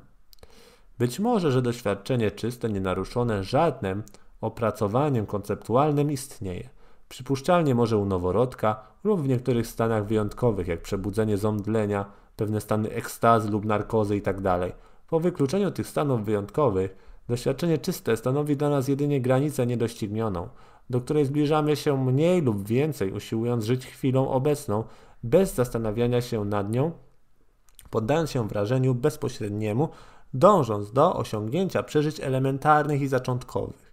Znamiennem jest, że większość filozofów pojmuje te dane zaczątkowe, będące źródłem pochodzenia wszelkiego życia psychicznego, jako stan czysto podmiotowy, z którego dopiero późniejsza ewolucja stopniowo, nie wiadomo w jaki sposób, wyprowadzi pojęcie jakiegoś nie ja i wyobrażenie świata zewnętrznego.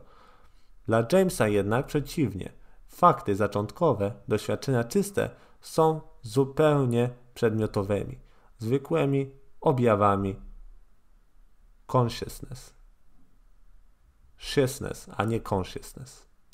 Czyli, że w jego rozumowaniu rozróżnianie ja od nie ja, zawarte w określeniu świadomość, od którego to odróżnia w stanie normalnym, nie zdołamy się uwolnić, nie zdołamy się już uwolnić, nie jest pierwotnym, lecz wynika z późniejszej konstrukcji, z przesłania czy klasyfikacji konceptualnej wśród czystych doświadczeń wstępnych ponieważ wchodzą tu w grę zagadnienia bardzo zawiłe, a w których myśl Jamesa, jak się zdaje, pozostawia w zawieszeniu, nie, zawie- nie zatrzymując się dłużej nad nimi, ograniczę się tylko do położenia nacisku na rys zasadniczy, który James podnosi w rzeczywistości takiej, jaką podchwytujemy w naszym doświadczeniu bezpośrednim.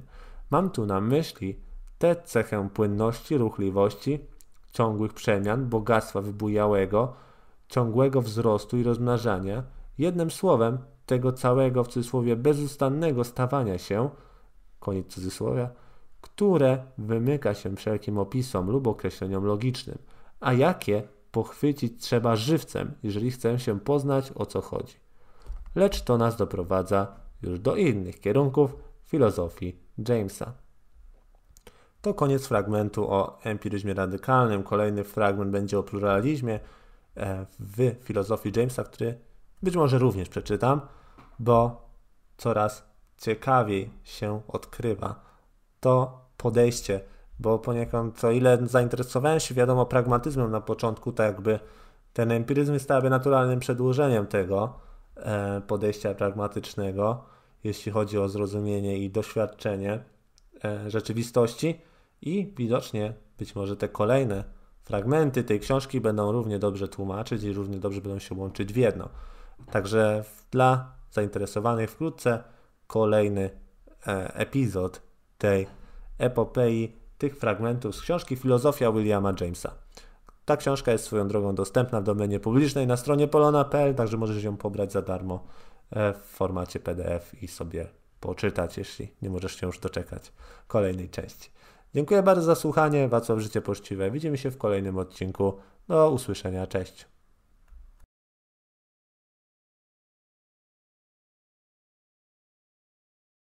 Czy natura wszelkiego bytu jest jednorodna, czy pluralistyczna? Czy determinizm rządzi naszym zachowaniem, czy wolna wola, czy wolność rządzi naszym zachowaniem? Czy świat dąży do melioryzmu, czyli do dobra, czy nie? O tym dzisiaj w życiu poczciwym fragmenty z książki Filozofia Williama Jamesa napisanej przez Flournoya. Zapraszam.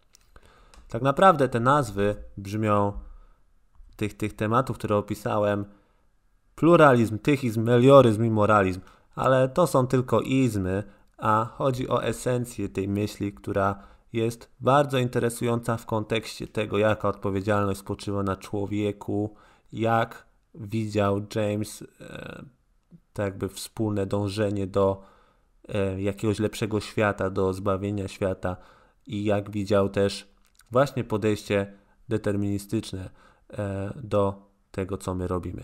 Dzisiaj taki bardzo filozoficzny odcinek, dzisiaj taki odcinek, który jest pewnym preludium do odcinka, gdzie będziemy rozmawiać już o duchowym doświadczeniu według Williama Jamesa dalej. Nawet nie planowałem wcześniej tej książki aż tyle czytać, ale wciąga mnie po prostu, jest świetna i fragmenty, które, w których Flornoy tu opisuje to, to, jak ważny jest nasz wybór, jak ważny jest um, człowiek i jego dążenia w kontekście też całości, to wszystko mocno uderza, szczególnie biorąc pod uwagę szerszą perspektywę i, ten, i też to, jak to można, jak można patrzeć w perspektywie wyższej na własne życie, na własne działania, na to, jak em, zmieniamy siebie, jaka odpowiedzialność jest na nas, jeśli chodzi o budowanie świata i budowanie swojej własnej moralności, czyli inaczej mówiąc, swoich własnych standardów i jak one muszą się zmieniać, muszą rosnąć, żeby e, te by do, doszły ostatecznie do tego zbawienia świata, jak oni to mówią w cudzysłowie, co nie jest nijak zdefiniowane. Także dla ciebie zbawienie świata to może być zarobienie miliona złotych, dla kogoś to może być um, uratowanie iluś tam ludzi, dla kogoś to może być zrobienie paru książek. Jakby to, jak popatrzysz na to w jednostkowej perspektywie, zrozumiesz, dlaczego ta filozofia Williama Jamesa tak świetnie e, przekłada się na po prostu nasze też jednostkowe życie i wciąż inspiruje ludzi, wciąż daje ludziom sporo do myślenia. Omówiliśmy już pragmatyzm i omówiliśmy już empiryzm radykalny. To wszystko jest na kanale już przeczytane, a teraz te tematy, o których wspomniałem, a później w kolejnym odcinku będzie już o religijnym doświadczeniu wedle dalej teorii Williama Jamesa. Zapraszam. 6. Pluralizm. Empiryzm radykalny prowadzi wprost do zaprzeczenia monizmu, czyli do pluralizmu, albowiem jeżeli istnieje coś niezaprzeczonego w empiryzmie, to jest nim wielość, rozmaitość, różnorodność, liczebność zjawisk oraz niepodobieństwo sprowadzenia ich do absolutnej jedności, jaką głoszą filozofowie moniści. Wprawdzie w tym zamęcie wszechświata, nie dającym się na pierwszy rzut oka rozwikłać, działalność nasza dąży do wprowadzenia pewnych czynników ładu, związków coraz rozleglejszych i liczniejszych oraz harmonii w coraz wyższym stopniu, które wiedza nasza odkrywa. Jednakże ta praca naukowego czy też praktycznego ujednostajnienia, choćby najdalej posunięta, w rzeczy samej nie zdoła znieść różnic niewspółmierności, przeciwieństw, jakie zewsząd w dalszym ciągu nie przestają nas radzić. W cudzysłowie, kieszeń moja, jak mówił James, tyle ma wspólnego z pula resna pana Morgana, znanego miliardera, co książki, które piszę z myślami króla angielskiego. Koniec cytatu.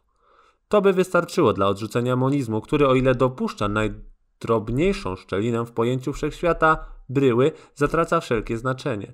Inaczej, pluralizm godzi się on zarówno z jednością, jak i ze współzależnością pomiędzy rzeczami pod warunkiem zostawienia ich własnej indywidualności, nie mieszania się wzajem, wzajemnego lub wchodzenia jednych w drugie, aż do zupełnego zlania się, jak monizm tego wymaga. Istotnie pluralizm nam się narzuca z takim przymusem, że tylko krótkowzroczna naiwność strusia wyobrazić sobie może, iż zdoła mu się wymknąć, zanurzając głowę w tajnikach zasady jedynej, czy nią będzie substancja, energia, pojęcie nieświadome. Wszechwiedza, Brahma czy coś innego, ten absolut przedstawiany jako rzeczywistość sama w sobie jedyna, której liczebność empiryczna byłaby tylko pozornym objawem, pozostaje przypuszczeniem nie dającym się dowieść, a zatem prostą kwestią wiary. Dlatego to stronnicy monizmu, chcąc usprawiedliwić swój dogmat, mogą to uczynić wyłącznie przez tę metodę pragmatyczną, tak przez nich znienawidzoną. To jest przez zadowolenie estetyczne czy też mistyczne. Rodzaj zachwytu intelektualnego, w jakiej wprawia rozważanie nad jednością absolutną, w łonie której rzekomo zacierają się wszelkie różnice, godzą się wszystkie sprzeczności i znajdują ukojenie wszystkie burze przeżyć ludzkich. Monizm przeciwnie, wywołuje nieprzezwyciężony wstręt w temperamentach moralistycznych lub artystycznych, do jakich właśnie należał James. Zostaje on też obojętnym na próby logicznego ujednostajnienia za wszelką cenę, natomiast żywo się przejmuje konkretną różnorodnością rzeczy, wszelkimi konfliktami, w jakich serce szlachetne czuje się powołanym do brania udziału. Zostają do wyboru te dwa poglądy pragmatyczne. Być może hipoteza monistyczna w gruncie rzeczy jest słuszną i że różnorodność tego świata jest tylko grą sztucznych czarodziejski, sztuczek czarodziejskich, w jakich absolut znajduje upodobanie. James, wszakże nie zaprzeczając tej teoretycznej możliwości, osobiście przyjął z całą konsekwencją hipotezę pluralistyczną, jedyną zgodną z jego empiryzmem radykalnym oraz z jego pojęciami moralnymi. W jego oczach wszechświat w sposób nieco podobny, jak to widzimy wśród ludzkości, składa się z nieograniczonej liczby osobników, z których każdy posiada istnienie własne, rzeczywiste, niezależne. Mają one wszelaką możliwość nawiązywania między sobą związków wszelkiego rodzaju, tworząc w ten sposób sieć stosunków coraz szerszych. Jedność, a ściślej biorąc łączność w tym świecie, z początku nie istnieje. Lecz stopniowo się tworzy i nie mamy pewności, czy kiedykolwiek stanie się zupełną.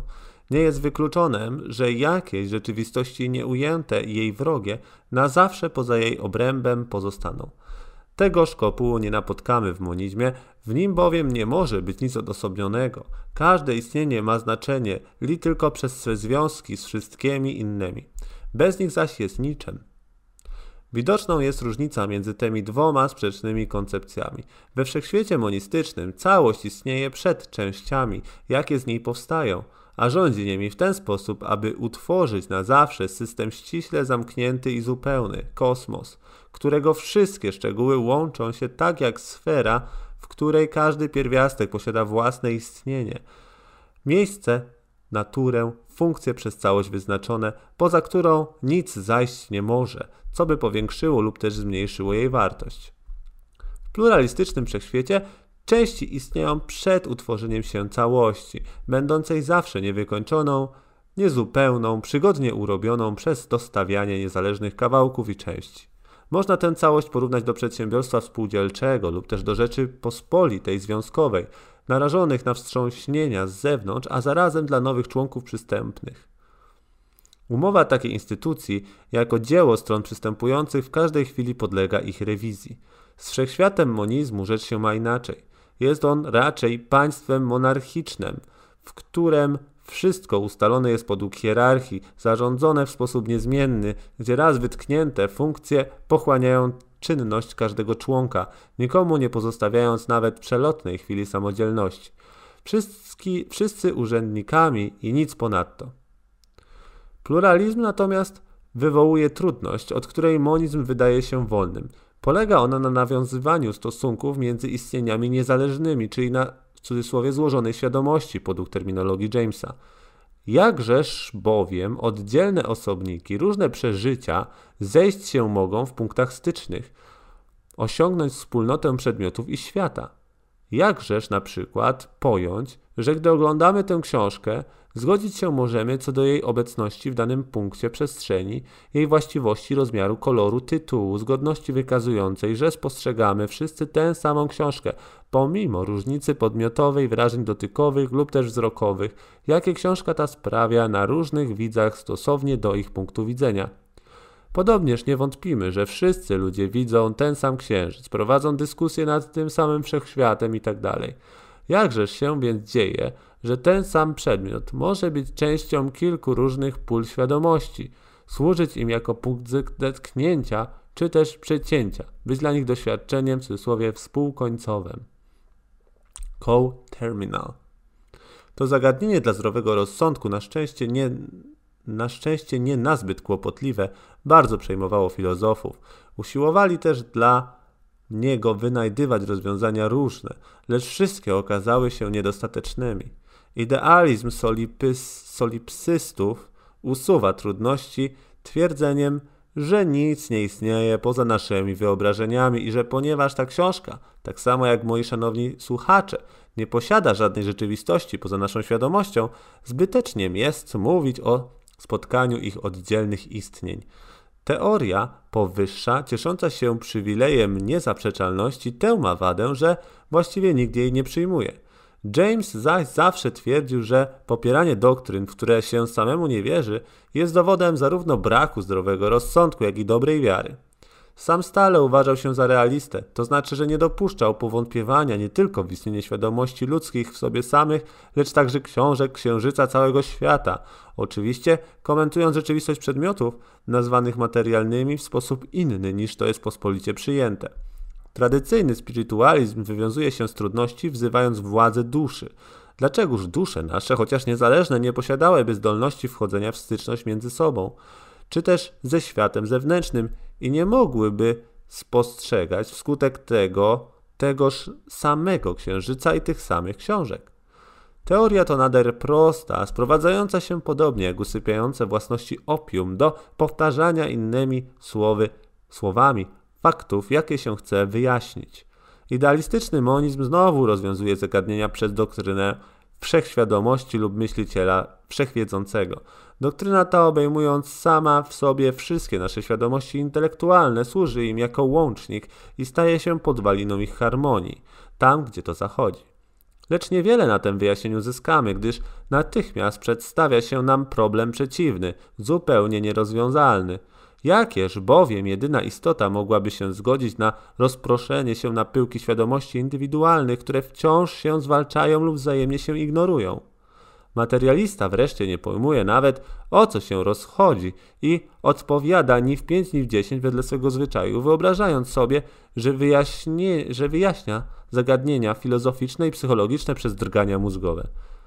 James przez 20 lat przetrawiał zagadnienie wzajemnych stosunków i stapiania się świadomości – był bowiem w rozterce pomiędzy logiczną trudnością zrozumienia faktu i niezbitą oczywistością istnienia tegoż faktu, o czym sama metoda pragmatyzmu i empiryzmu radykalnego nie pozwala mu wątpić. Albowiem te wzajemne wejścia w zetknięcie, te bezustanne utożsamiania duchowych indywidualności naszych ujawniają się w każdej chwili, we wszystkich stosunkach z bliźnimi. Z zakresów wyłącznych wymienimy religię. W niej niezliczona mnogość dusz bezpośrednio doświadczyła w sposób niezaprzeczalny bliskiego zetknięcia ze świadomością wyższą, która stanowi część ich samych, a zarazem nieskończenie je przewyższa.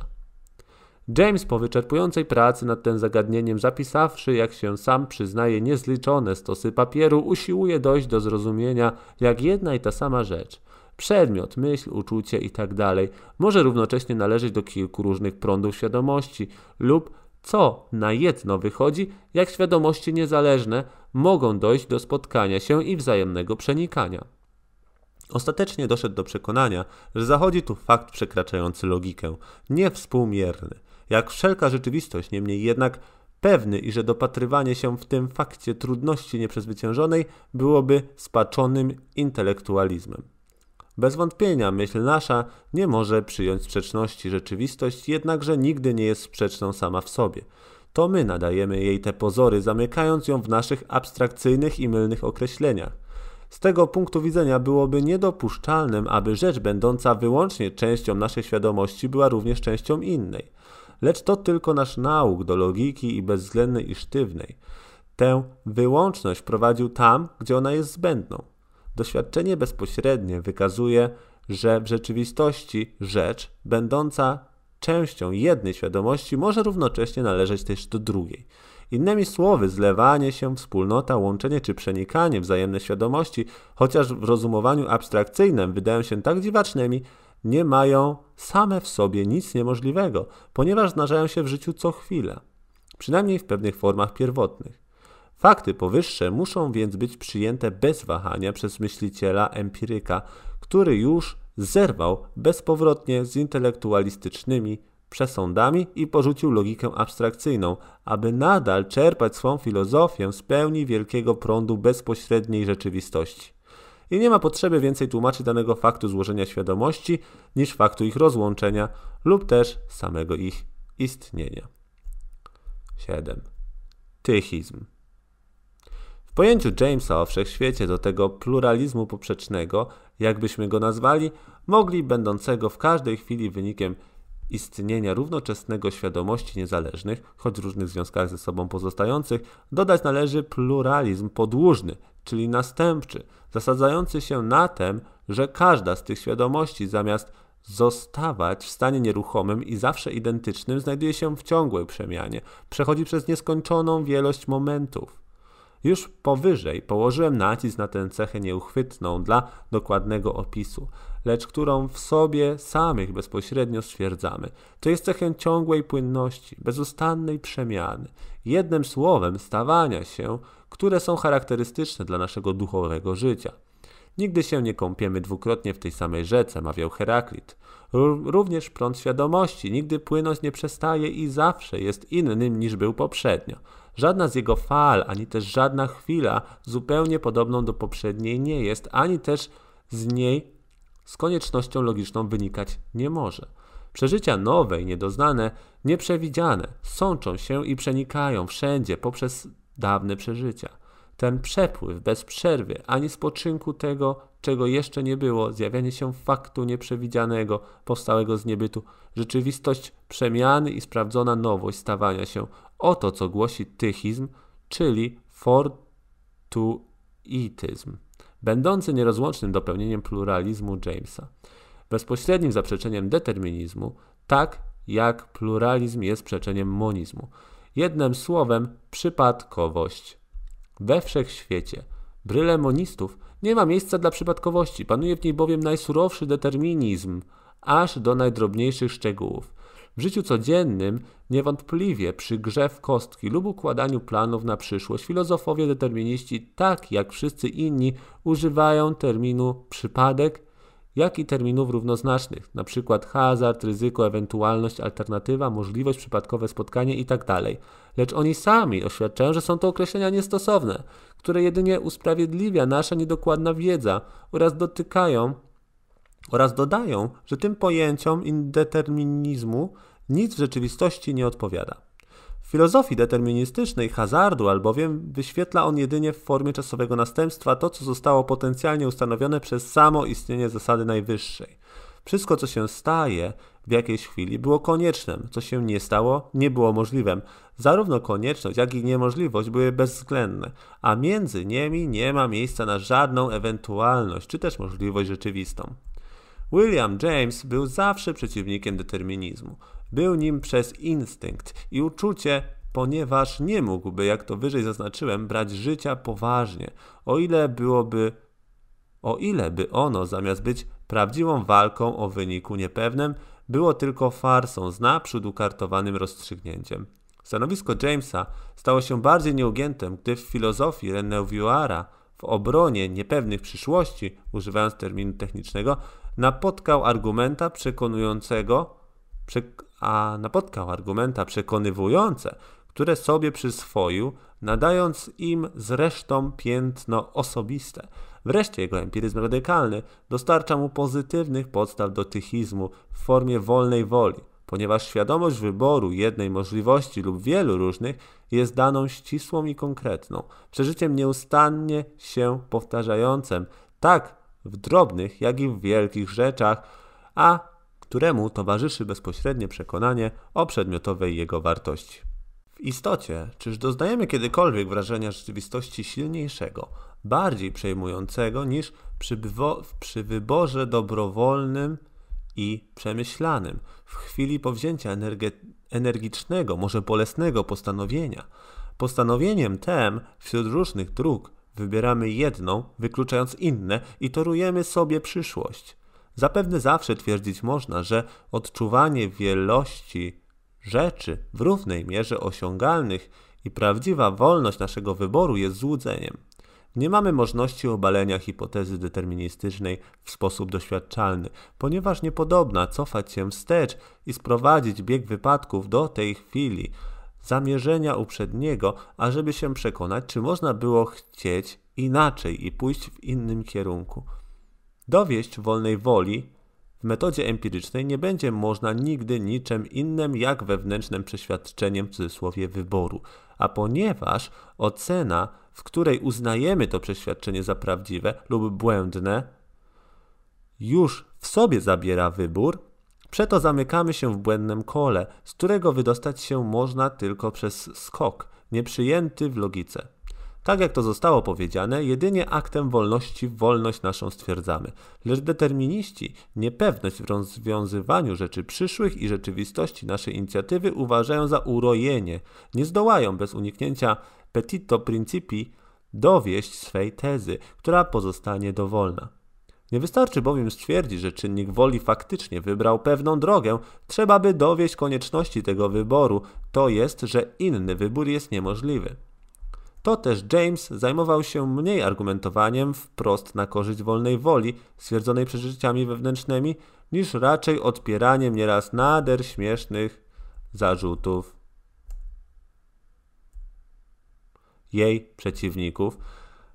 Gdy się chce psa utopić, powiada przysłowie, twierdzi się o nim, że jest wściekły. Determiniści w swej zaciętości przeciw wolnej woli zarzucają jej najgorsze przestępstwa. Mówią, że z przyjęciem wolnej woli trzeba być na wszystko przygotowanym, więc i na wyrzeczenie się badań naukowych. Jeżeli wolna wola istnieje, mówił na przykład pewien metafizyk, rodak Jamesa, kto wie, czy połowa mieszkańców Londynu do jutra życia sobie nie odbierze, lub też czy jaki generał angielski nie stanie się po swym najbliższym zwycięstwie ludożercą i nie pozjada na surowo wszystkich swych jeńców itd. Tak James z łatwością zbijał podobne brednie, zwracając się po prostu do swojej metody konkretnej, zamiast do rozumowań zawieszonych w próżni. Przyszłości możliwe, pomiędzy którymi czynimy wybór, w istocie ograniczają się do alternatyw, jakie są zakorzenione w naszym charakterze lub naszej przeszłości. W ten sposób wolność nasza jest ograniczona przy rozstrzyganiu danego wypadku. Zawsze będzie łatwe nawiązać go do innych poprzednich podobnych wypadków. Jest to zaś wszystko, czego nauka wymaga dla swego użytku. Na przykład przy przebudzeniu waham się, czy poleżeć jeszcze, czy wstać i udać się do pracy. W tym poszczególnym wypadku hipoteza wolnej woli wymaga równej możliwości dla obu tych postanowień, lecz w żadnej mierze dla innych ewentualności urojonych lub dziwacznych, jak na przykład podpalenie mego łóżka lub rzucenie się przez okno. Jakżeby więc ta moja wolna wola, pozostania w łóżku czy też wstania, przypuszczalnie prawdziwa, mogła przeszkodzić filozofom w cudzysłowie uczonym tłumaczeniu mego postępowania, a posteriori przepisując je memu poczuciu obowiązku lub też memu lenistwu. Z pewnością już oba uprzednio we mnie istniały i nie czekały tego poranka, aby objawić swe konflikty. Widzimy z tego, że hipoteza wolnej woli albo niejasnych przyszłości, rzeczywistości wyboru, tychizmu itd., tak bynajmniej nie pociągnęłaby za sobą zniweczenia wiedzy, jak to niektórzy lubią utrzymywać, ani też nie wprowadziłaby w świecie więcej zamętu niż go obecnie mamy. W gruncie rzeczy obie te współzawodniczące hipotezy nie dają się obalić ani też dowieść, ponieważ pochodzą zawsze z osobistej, pozalogicznej skłonności do jednego lub drugiego z tych obu nastawień psychicznych, między którymi wybór czynimy to jest między nastawieniem retrospektywnym wiedzy intelektualistycznej, a nastawieniem prospektywnym życia czynnego.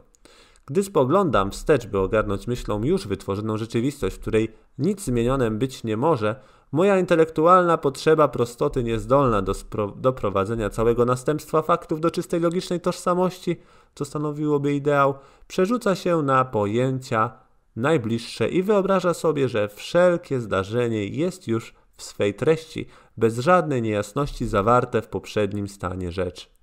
Wówczas skłaniam się ku determinizmowi i po nici do kłębka doprowadzam go aż do monizmu. Wszystkie chwile przeszłości zazębiają się w moim intelekcie. Jedne o drugie z tą samą domniemaną koniecznością, aż wszechświat cały przywróci się do punktu wyjścia, czyli swej zasady bezwzględnej. Przeciwnie, gdy spoglądam przed siebie w chwili powzięcia postanowienia, Czuję, że przyszłość najbliższa jest jeszcze niezarysowaną i ode mnie tylko zależy. Będzie ona taka, jaką ją uczynię przez wybór między różnymi nastręczającymi się możliwościami.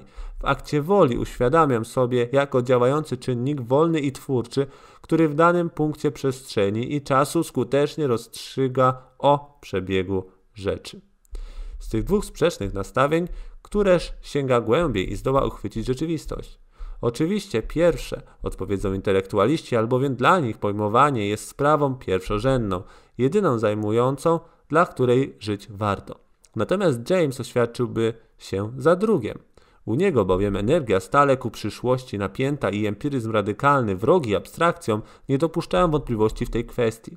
Jasnym jest, że dla niego rzeczywistość istotna nie mogła się znajdować w retrospektywnej dziedzinie inteligencji, która przechowuje tylko oddźwięk konceptualny rzeczywistości, osłabiony i zniekształcony. Natomiast rzeczywistość odnajduje się w doświadczeniu prospektywnym i żywym, teraźniejszości bezpośredniej, w której jaźń drga, waha się, wybiera, rozstrzyga, działa, wysila się, walczy i przynosi własną inicjatywę i osobisty udział w historii wszechświata. W każdym z punktów, w których jest przeżywane to stawanie się jednej możliwości wśród wielu innych, coś istotnie nowego w świecie się zjawia. Widziany z zewnątrz jest to czysty wypadek, pomyślny lub niepomyślny, z wewnątrz stanowi to samorzutny czyn twórczej woli. Zaznaczyć należy, że te punkty odrębne, w których linia krzywa stawania się zwraca się nagle w pewnym kierunku, te miejsca wyboru nie są rzadkie i wyjątkowe, lecz właśnie stanowią zwykły bieg rzeczy. Przez każdego z nas bowiem i w każdej chwili kostki w grze bywają rzucane, a ważkie lub drobne rubikony bywają ciągle przekraczane. Zdaniem Jamesa wybór dzieje się wszędzie w naszym życiu, na wszystkich jego poziomach i we wszelkich rozgałęzieniach.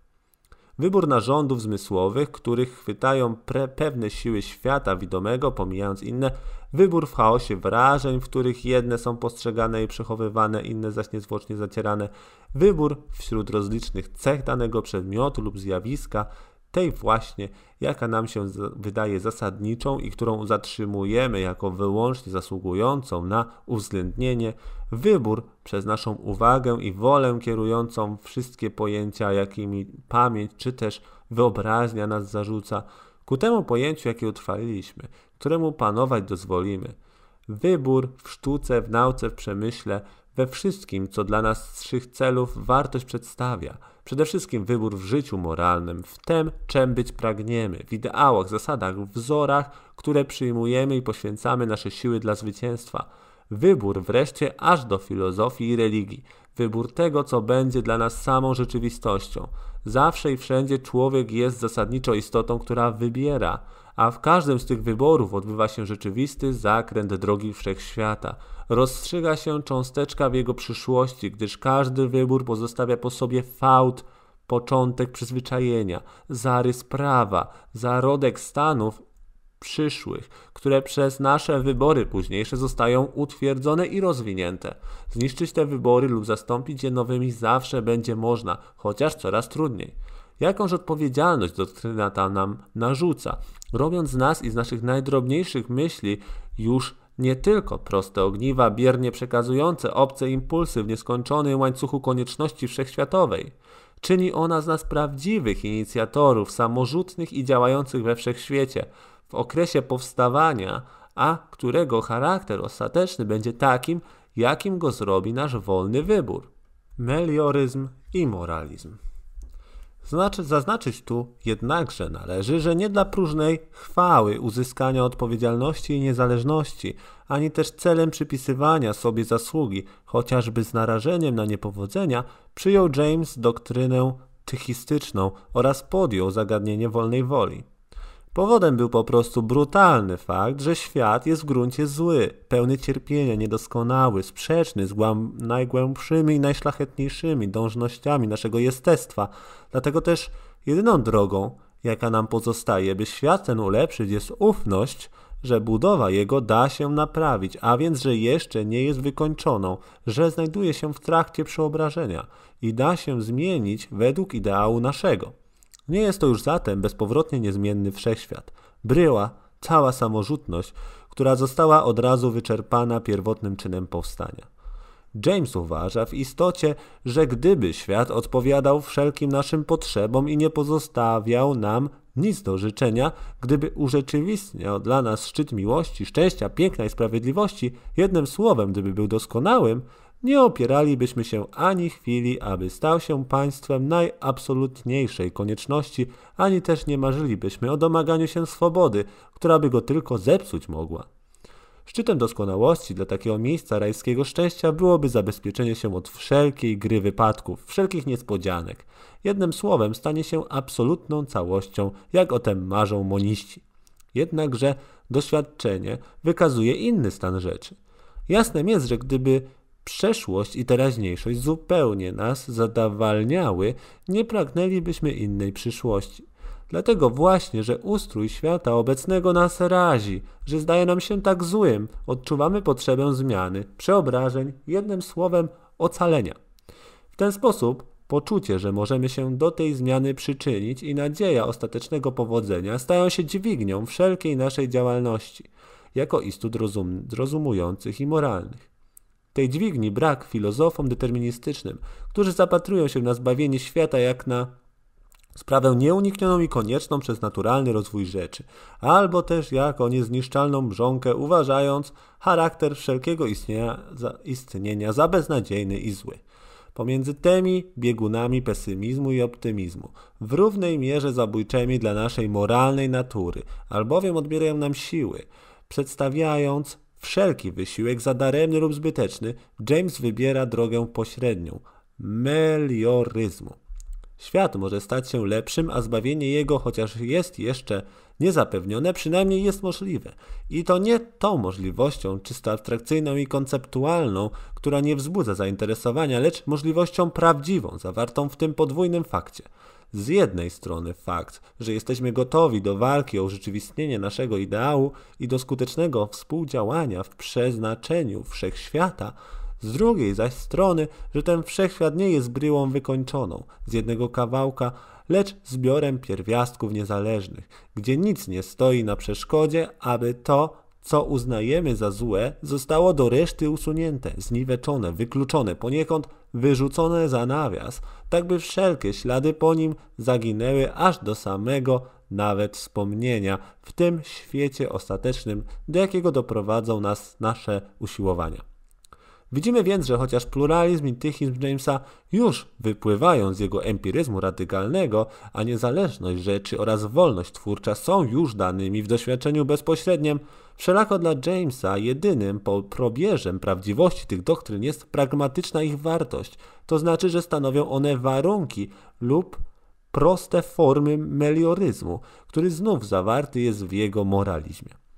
Nasza natura moralna poważnie pojęta we wszystkich swych wymogach, oto pierwszy i ostatni wyraz filozofii Jamesa. Dla niego treść, czy też przeznaczenie ludzkie takie, jakie przed nami odsłania doświadczenie, nie polega na tym, aby być wiernym widzem wszechświata, wobec którego jest się bezsilnym, lecz zasadza się na rozwijaniu i utwierdzaniu swego stanowiska w tym złym i opornym świecie, narzucając mu swój ideał przez wysiłek woli, moralizm. To stanowisko wprawdzie nie daje bezwzględnej pewności, a to li w każdym razie możliwość i nadzieję powodzenia, melioryzm. Czyli innymi słowy powiemy, że bieg rzeczy jest podatny do zmian prawdziwych, tychizm, i że zło zamiast tworzyć nieodłączną część wszechświata może być z niego wyrzucone jako prosty pierwiastek wśród wielu innych, pluralizm. Moralizm i melioryzm Jamesa dotykają wielu kwestii, które należałoby omówić. Poruszę tylko niektóre. Zaznaczmy na sam przód, że James nigdzie nie określił wyraźnie, co rozumie przez zbawienie świata i jaki ideał ma być przez to zbawienie urzeczywistniony, każdemu zostawiając jego oznaczenie według własnego rozumienia. James pojmuje go w znaczeniu ogólnym, jako stan rzeczy sprawiający nam najwznioślejsze oraz najzupełniejsze zadowolenie. Omawianie szczegółów byłoby właściwie szkicem traktatu o moralności, doktryny najwyższego dobra i tym podobne. Nic zaś nie byłoby bardziej przeciwnym antydogmatycznej umysłowości Jamesa, tak przejętej poszanowaniem dla nieprzebranych bogactw rzeczywistości, jak często spotykane u moralistów dążenie do ustanowienia poniekąd ostatecznej hierarchii obowiązków i duchowych skarbów. Te próby moralistów wobec wolności i postępu wydawały się Jamesowi niedorzecznością i świętokradztwem, tak samo jak głoszenie naukowej koncepcji na warietur wszechświata. Etyka, zarówno jak fizyka, mawiał James, zostanie ukończoną dopiero wówczas, gdy ostatni człowiek przeżyje ostatnie doświadczenie i ostatnie swe słowo wypowie. Albowiem życie moralne zasadza się na ciągłym wzrastaniu. Nie można go zamknąć w systemie skończonym i sztywnym, który, choćby nawet był stworzonym przez umysłowości wybitne, przedstawiać będzie li tylko osobiste, a więc mniej lub więcej dowolne i zbyt ciasne zapatrywanie autora. Nie można postępowania ludzkiego poddać bezwzględnej regule, albowiem żadna sytuacja moralna konkretna jest czymś nowym, szczególnym, jedynym wychodzącym poza wszelkie teoretyczne przepisy. Tu każdy musi w ostatniej instancji sądzić oraz działać sam za siebie. James oczywiście nie potępia próby systematyzacji ani też prac kazuistycznych podejmowanych przez filozofów jako usiłowanie prowizoryczne, a które pobudzają czytelników do rozważania, mogą przynieść pożytek. Jednakże niezupełnie im dowierza, obawiając się, by tym próbom nie przypisano zbyt wielkiego znaczenia i aby ich autorytet związany z wielkimi nazwiskami nie stał się przeszkodą do swobodnego rozwoju życia moralnego, będącego nieustannym tworzeniem. Najwyższy szczyt moralności, tak rzadko osiągany, polega zawsze na obalaniu prawideł przyjętych, które się okazały w danym wypadku zbyt ciasnymi. Dlatego też wzdrygamy się na myśl, że ktoś posiadający autorytet i władzę mógłby nam narzucić swój system moralności, chociażby nawet najdoskonalszy. Raczej anarchia całkowita, zupełny brak ładu i reguły, niż ten kaftan bezpieczeństwa, który by nie omieszkał zdławić wszelką samorzutność i postęp. Dla monistycznych ideałów idealistów istnieje oczywiście moralność przedmiotowa, wieczna, doskonała, jest to moralność ich wszechwiedzącego absolutu, który znając wszystkie pragnienia i wszystkie duchowe skarby, sam jest w stanie rozgatunkować je w sposób nieodmienny, według względnej ich ważności. Ponieważ jednakże absolut nie dopuścił swych wyznawców do tajemnicy, w gruncie rzeczy nie wiedzą oni nic więcej niż reszta ludzkości. Etyka przez nich głoszona wyraża tylko ich osobiste uczucia, miarą których jest tylko ta wartość, jaką im nasz własny zdrowy rozsądek zechce przyznać. Intuicja osobista, wypływająca z głębin każdego jestestwa, wytryskająca pod naporem życia, ujawniająca w ten sposób swój charakter oraz uzdolnienie właściwe, Oto dla Jamesa w każdym danym przypadku sprawdzian oraz najwyższy rozjemca w kwestiach moralności. Bohaterski, jakbyśmy to mogli nazwać, charakter Jamesa jest jeszcze innym rysem jego moralizmu. Z ducha, który owiewa jego dzieła, czuje się jasno, że jego etyka, gdyby ją był stworzył, nie byłaby etyką Epikura. Człowieka, człowiek w czasach Jamesa rozwija się i prawdziwie odczuwa życia jedynie w jędrnej, ożywczej atmosferze walki, surowości, poniekąd ascetyzmu. Życie ułatwione, wygodna rutyna, spokój niezmącony w pomyślności budzą w nas przesyt. W każdym z nas tkwią zasoby energii, które usypia przyziemne bytowanie życia filisterskiego, lecz które to siły budzą się niekiedy przy zetknięciu z jego tragizmem i warunkami wyjątkowymi, czyniąc nas naprawdę sobą. Jesteśmy bowiem stworzeni do strenuous mood, do postanowień energicznych, pełnych zapału, do męstwa i wytrwałości. Zapewne to napięcie nie może trwać bez przerwy, jesteśmy bowiem słabi, miewamy chwilę rozprężenia, wtedy potrzebujemy wypoczynku. Jednakże powinniśmy zawsze powracać do stanu energicznego działania na zewnątrz, a niewzruszonej stanowczości wewnętrznej to jest do bohaterstwa, jeżeli chcemy zostać w cudzysłowie kimś i czuć, jak dreszcz rzeczywistości wstrząsa naszą duszą. W ten sposób William James, artysta wytworny, zdecydowany pacyfista, sprzysiężony wróg wszelkiego ograniczenia wolności i rozkwitu życia, był zarazem chwalcą cnót rycerskich. Uwielbiał odwagę, junactwo, bezgraniczne poświęcenie, stosowanie surowej dyscypliny, wytrzymałości, zamiłowanie do niebezpieczeństw i przygód, pogardę śmierci itd. Był on zdania, że ponieważ wojna jest moralnie niedopuszczalna w czasach obecnych, dla niesprawiedliwości i nieszczęść, jakie sprowadza, trzeba, aby cywilizacja nasza znalazła jakiś współmierny czynnik wychowawczy zastępujący zastępczy, zastępstwo hartujące, jeżeli pragnie pozostać humanitarną i nie zapaść w zgniliznę.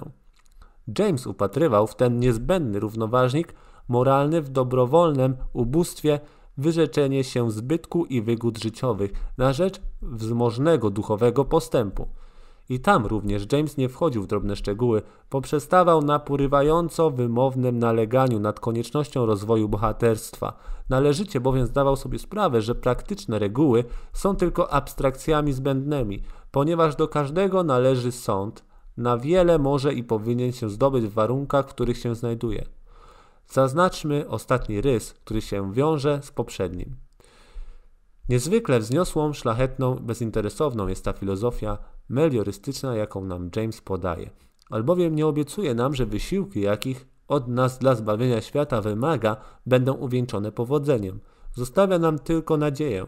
Zbawienie to się urzeczywistni jedynie pod warunkiem, że każdy pierwiastek wszechświata z nim współpracować będzie i na swym stanowisku wszystko uczyni, do czego jest zdolny. Nikt nam jednakże nie zaręczy, że tak się stanie. Mniejsza o to, mówi James, gdy nasza moralna natura jest zdrową, potrzeba jej tylko nadziei, aby żyć i działać. Powiedzmy nawet, aby pójść, potrzeb... aby pójść przebojem. Sama nadzieja w tym wielkim dziele odrodzenia świata już nam wystarcza, ponieważ cel ze wszechmiar zasługuje, by się mu poświęcić, choćby się go nawet w końcu dopiąć nie miało. James nie cofa się bynajmniej przed możliwością należenia do liczby tych, których zgubę pociągnęłoby za sobą zbawienie świata. Należy sobie, należy sobie dokładnie uprzytomnić, że podczas gdy w monizmie optymistycznym zbawienie jest nieodzownie ogólnym i całkowitym, tak jak sam wszechświat bryła, pluralizmie może się ono wytwarzać jedynie częściowo, stosownie do poszczególnego nastawienia każdego pierwiastka z osobna wobec innych.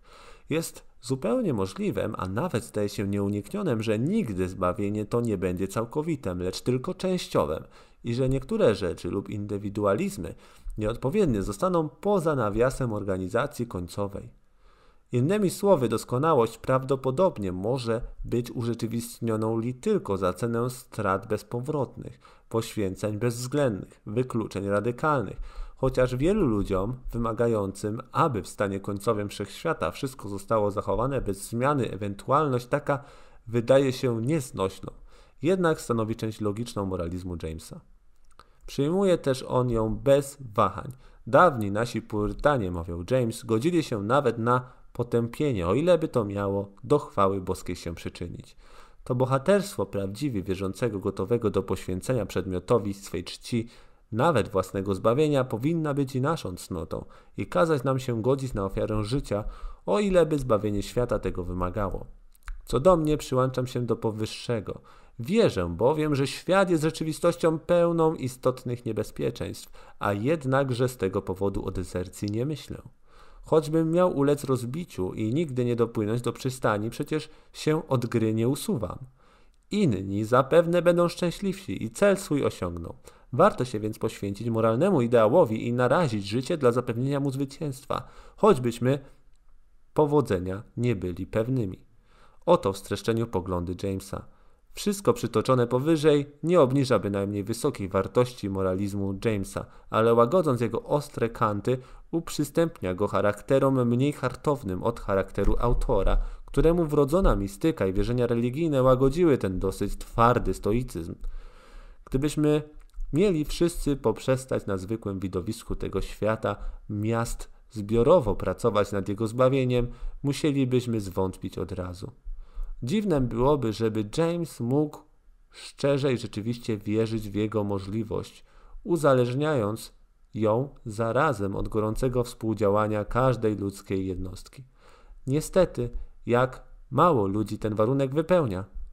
Wszelako, pomimo tylu niedoborów, tchórzostwa, zdrad, które w każdej chwili wybuchają wokoło nas i nawet w nas samych, James nie zwątpił w jego możliwość. Wierzył on bowiem w skuteczniejsze od naszego współdziałania, aby powertować klęski, przywrócić równowagę i jeżeli nie bezwzględnie zapewnić ostateczne zwycięstwo dobra, które zawsze będzie od naszych uczuć i postępków zależne, to w każdym razie ostateczne zwycięstwo umożliwić. Czyli krótko mówiąc, James nigdy nie przestał wierzyć w boską potęgę czynną w dziejach wszechświata i ludzkości. Prowadzi nas to do rozdziału o teizmie Jamesa. I ten rozdział o teizmie Jamesa i o religijnym doświadczeniu, które będą bardzo, bardzo ciekawe, już zapewniam, będzie w kolejnych odcinkach, w najbliższych e, tygodniach. A tymczasem dziękuję bardzo za słuchanie. Was o życie poczciwe. Widzimy się w kolejnym odcinku. Pozdrawiam.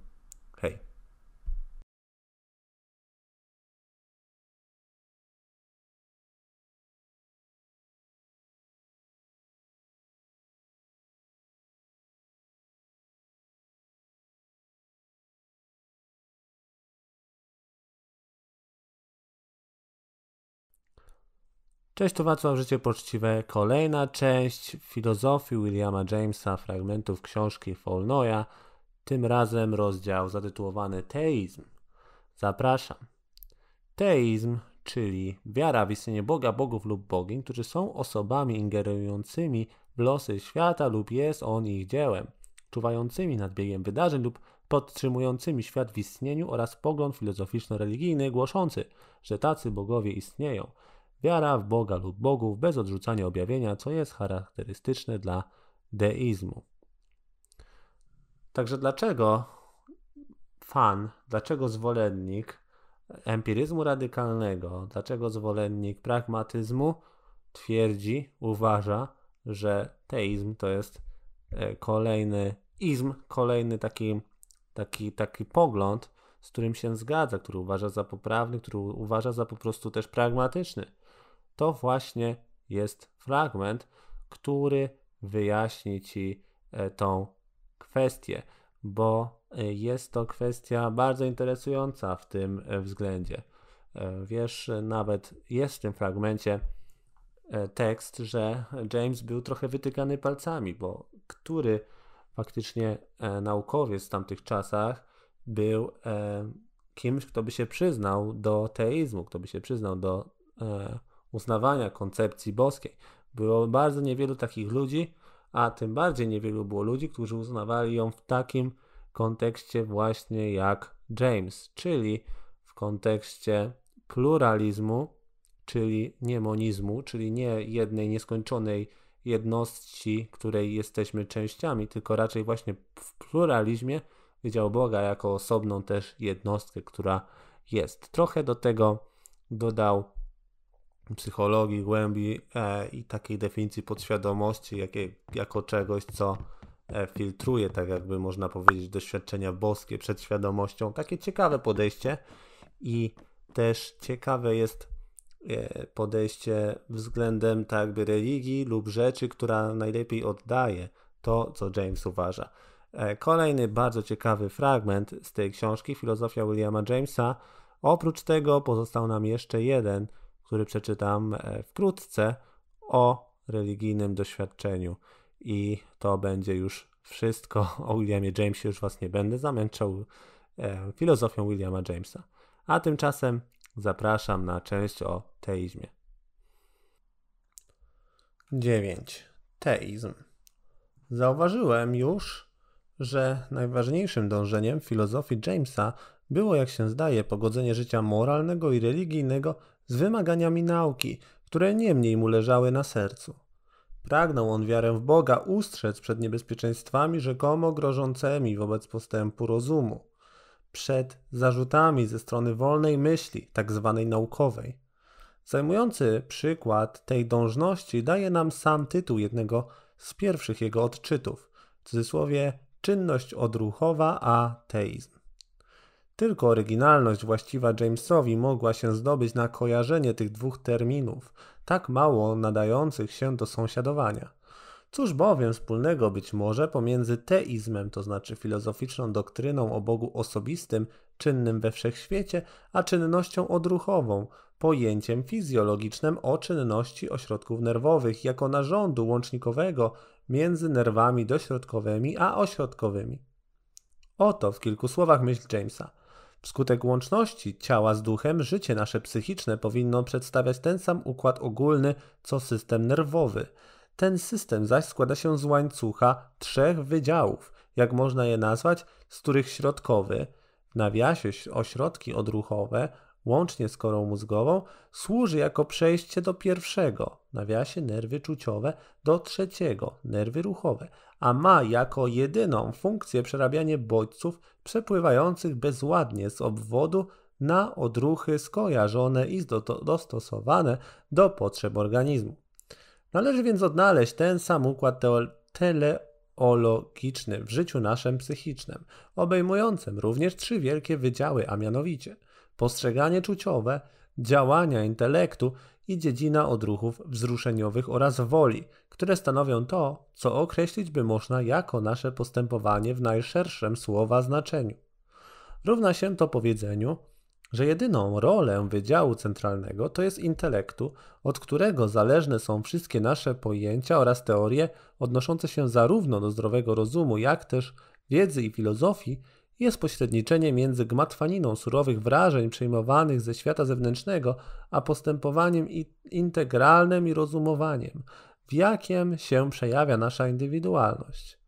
Z tego psychologicznego szematu, wzorowanego na anatomii i fizjologii systemu nerwowego, James wnioskuje, że nasze zdolności umysłowe doprowadzone do najwyższego objawienia, jakim jest filozofia, mają za jedyny cel ustalenie postępowania, jedyne materiały w danych doświadczeniach, jedyne zadanie w opracowaniu koncepcji wszechświata odpowiadającej tym doświadczeniom.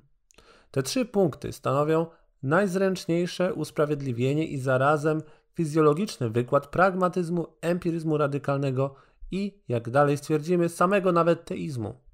W istocie James z łatwością wykazuje, że jedyną koncepcją wszechświata dającą zupełne zadowolenie naszym dążnościom afektywnym i czynnym, najgłębszym w naszej duszy, jedyną jaka może nas wznieść na wyżyny człowieczeństwa i ułatwić rozkwit naszego jestestwa wraz z jego potrzebami moralnymi, pokrywami idealnymi i marzeniami o doskonałości itd., tak jest koncepcja teistyczna. Wszelka filozofia niezdolna wznieść się do wiary w Boga, jak pozytywizm, agnostycyzm, materializm, naturalizm, może jedynie osłabić lub skrępować polot naszych zdolności, stawiając nas wobec wszechświata obojętnego lub wrogiego, bez związku wewnętrznego i moralnego z nami, a do którego nie mogłyby dążyć porywy serc naszych. Jakżeż bowiem odczuwać miłość, cześć, drobną choćby sympatię lub zapał dla jakiejś rzeczywistości, będącej tylko zbiorowiskiem atomów, plątaniną ślepych sił, zwałem obcym i grożącym zagładą ostateczną temu wszystkiemu, co nas obchodzi.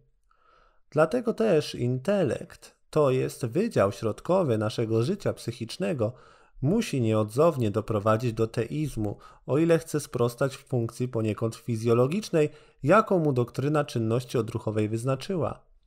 Zadaniem Wydziału Środkowego jest umiejętne wydobycie z zamętu doświadczeń czuciowych takiej koncepcji o świecie, która by mogła zadowolnić wszelkie nawet najznoślejsze dążenie naszej natury i podniecić pełny rozwój naszej działalności. Rozumie się samo przez się, że James nie przeprowadził dowodu o istnieniu Boga.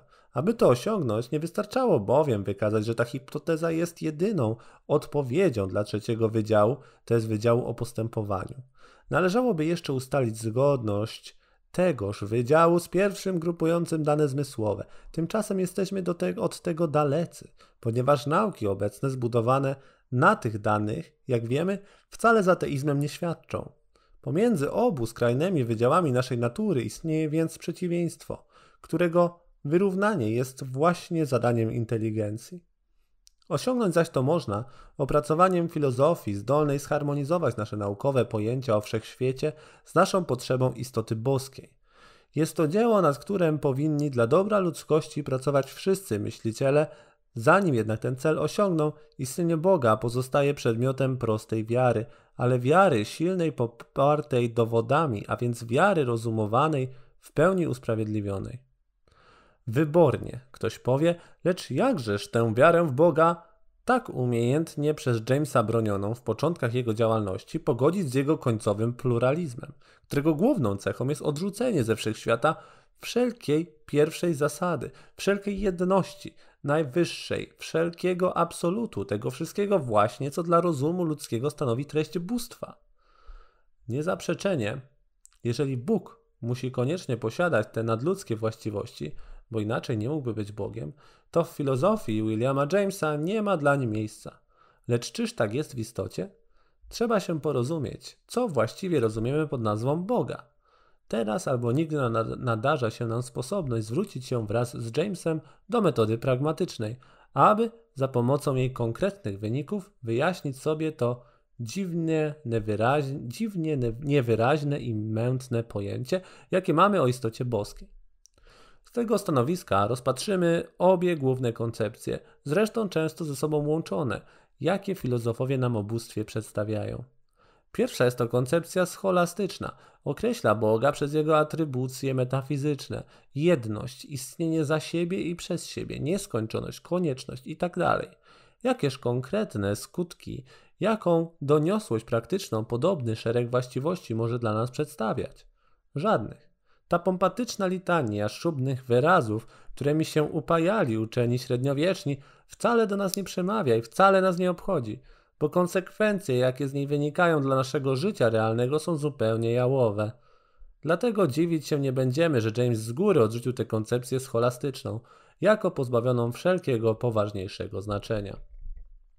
Znacznie ciekawszą jest druga koncepcja koncepcja panteizmu idealistycznego. Bóg jest wszechświadomością, myślicielem, wszechwiedzącym, indywidualnością absolutną, której każdy z nas jest tylko drobniutkim okruchem. W jedności swej istoty Bóg obejmuje całość możliwych doświadczeń, tak samo jak ja obejmuję moje wrażenia i pojęcia w ciasnym polu mej świadomości. James miał tuż w pobliżu wybitnego przedstawiciela tej metafizyki w osobie swego kolegi i przyjaciela, profesora Roysa. Przywiązanie i wzajemny szacunek nie doprowadziły jednakże obu uczonych do zgodności filozoficznej. Doktryna Roysa, choć tak głęboko spirytualistyczna i religijna, niemniej jednakże jest monizmem, którego niedopuszczalne następstwa James niezwłocznie spostrzegł. Już z prostego punktu widzenia intelektualnego znajdował w monizmie Roysa trudności nieprzezwyciężone.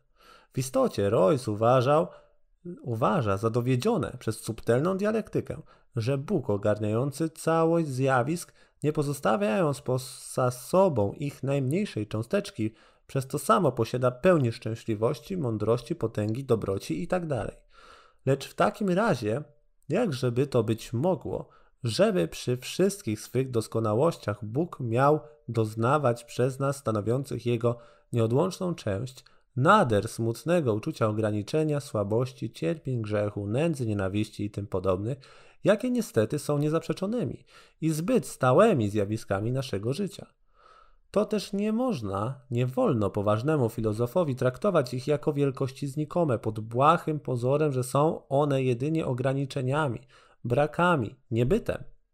Jakże pojąć na przykład, że Bóg przeze mnie sam z siebie z ciekawością zapytuje, co zawiera ta na klucz zamknięta szuflada, podczas gdy wie doskonale przez właściciela wymienionej szuflady. Lub jeszcze w czasie wojny w każdym obozie życzy zagłady drugiego obozu, a więc własnej zagłady? Są to sprzeczności, których się unika jedynie rozróżnieniem i odłączeniem całkowitym punktu widzenia Boga i punktów widzenia istot śmiertelnych, a te dają się dzielić bez końca, co nazywając rzeczy po imieniu równa się przyjęciu pluralizmu.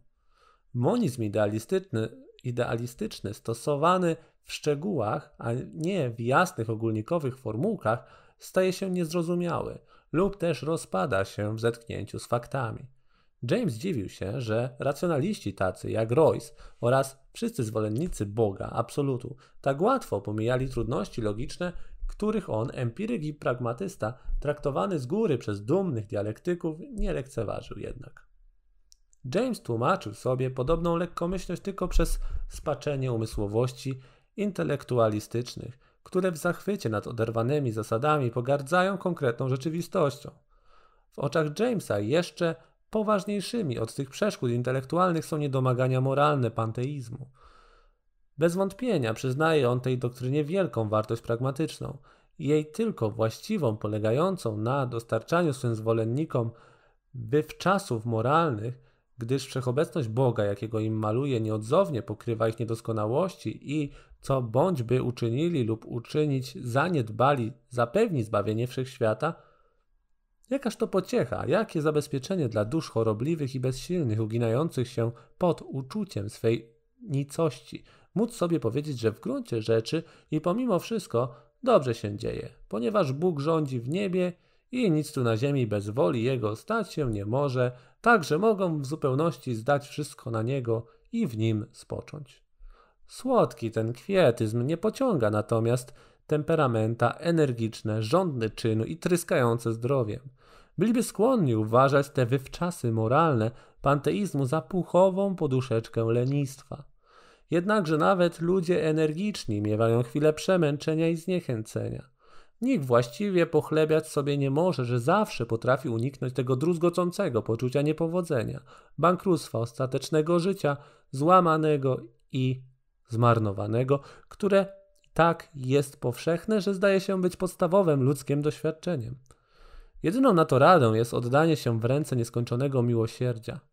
Dlatego też większość ludzi żyje w kompromisach i czas swój trawi na wahaniu się odpowiednio do nastroju chwili. Zależnie od okresów zdrowych i okresów chorobliwych przechodzą od moralizmu antypanteistycznego do panteizmu religijnego.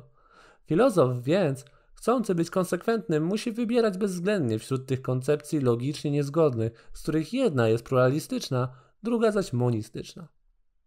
James, który się przyłączył do moralizmu, zawsze pozostał mu wiernym, usiłując wykazać, że da się on pogodzić z niepanteistyczną wiarą religijną. Widzieliśmy powyżej, że dla Jamesa motywem kategorycznym w tym wyborze było nie tyle istniejące w nas poczucie odpowiedzialności, jak zagadnienie zła, nierozwiązalne przez żadne formy monizmu, a dla nas najsubtelniejszych szczególnie zgubne. Jeżeli James nigdy nie mógł sobie postawić teorii o nieświadomej substancji filozofów naturalistycznych, rodzącej zło z równą koniecznością jak dobro, tem mniej mógł on przyjąć świadomy absolut panteizmu idealistycznego. Pierwsza teoria wcale do niego nie przemawia lub jest mu wręcz antypatyczna. Druga zaś wprost budzi w nim bunt i oburza go. Czyż jest Bogiem, czy raczej potworem ta istota wszechwiedząca i wszechmożna, która łącząc w swym łonie wszystkie skończone istnienia, swą wszechobecnością poniekąd utwierdza i uświęca wszystkie okropności, zgorszenia, ohydy tego nędznego wszechświata. Dla Jamesa empiryczna rzeczywistość zła i cierpienia jest skałą podwodną, o, której, o którą się niechybnie rozbiją wszystkie panteizmy, nawet najbardziej religijne, jak na przykład Roysa. Żadne zwroty retoryczne o piękności przyrody nie mogły Jamesowi przesłonić okrucieństw, jakie ona rozwija w państwie zwierzęcym. Żadne wysławianie dobroci boskiej nie zdoła myśli jego odwrócić od ludzkiego cierpienia. Potoczne wydarzenia, podawane przez prasę codzienną opisującą ludz tragedię dnia, samobójstwo człowieka bezrobotnego, zdziczenie zwyrodniałego przestępcy, niesprawiedliwe wyroki sądu, wszelkie krzywdy, niedole jednostek lub społeczeństw. Nie są dla Jamesa, tak jak dla ogółu czytelników, chwilową rozrywką melodramatyczną, lecz stanowią fakty, rzeczywistość drgającą życiem, czynniki wszechświata, wobec których najsłynniejsze próby teodycei wydają mu się tylko niesmacznymi żartami. W swej duszy współczującej James widzi wszelkie konkretne objawy złego, podnoszące się jako ciężkie oskarżenie tych pięknych metafizyk, filozofów akademickich, jak optymizm Leibnica w peruce, pogoda umysłu tych nadętych profesorów, którzy z głębi swych wyścielanych foteli wykazują, że wszystko idzie jak najlepiej na tym najlepszym świecie, że zło jest tylko mniejszym dobrem, że wszystko, co jest rzeczywiste, jest racjonalne, że wszystko jest doskonałe w oczach absolutu. Lekceważenie filozofów idealistów okazywane otaczającemu nas zewsząd złu najwięcej oburzało Jamesa. Lecz wiedział on dobrze, że należą oni do kategorii ludzi zadowolonych i spokojnych, bo zupełnie zabezpieczonych od życiowych burz i klęsk. Poprzestał więc na odwróceniu się od nich ze smutnym uśmiechem, bolejąc nad tak kompletnym brakiem poczucia przeżytych doświadczeń i konkretnych rzeczywistości, i to u tych właśnie, którzy ośmielają się przemawiać w imię najwyższej rzeczywistości, a nie widzą cierpień roztaczających się przed ich oczami, są bowiem olśnieni doskonałością swego absolutu. Jak widzimy, koncepcja panteistyczna o Bogu nie znajduje więcej łaski w obliczu przenikliwego, zdrowego rozsądku i subtelnej wrażliwości uczuciowej, uczuciowej Jamesa niż scholastyczna, jej definicja. Lecz w takim razie mógłby ktoś powiedzieć, jeżeli Bóg absolutny i nieskończony, który jest przecież Bogiem monoteizmu, tak jest wstrętny Jamesowi, jakiegoż Boga on nam pozostawia? Po prostu Boga dusz prostych i wierzących i tego, bez którego one żyć niezdolne. Tego, którego obecność jest dla nich źródłem wszelkiej radości i wszelkiej energii. Albowiem ta obecność najwyższa w istocie rzeczy nie potrzebuje wcale być tą całością, jakiej panteista cześć oddaje. Dla uczucia religijnego wystarczy zupełnie uważać ją za część wszechświata, byleby była jej częścią najidealniejszą i najgłębszą i aby posiadała dostateczny stopień pokrewieństwa z naszą moralną naturą. W innych słowach, potrzeba nam Boga rzeczywiście istniejącego, który by nie był nami samymi, jak to jest w panteizmie, lecz innym i potężniejszym od nas. I to Boga nie takiego, o jakim się mówi w formie nieosobowej i w trzeciej osobie jako o istocie lub prawie ogólnym, lecz Boga, do którego bezpośrednio się zwracamy, w drugiej osobie mówiąc mu Ty w wewnętrznym wezwaniu serca.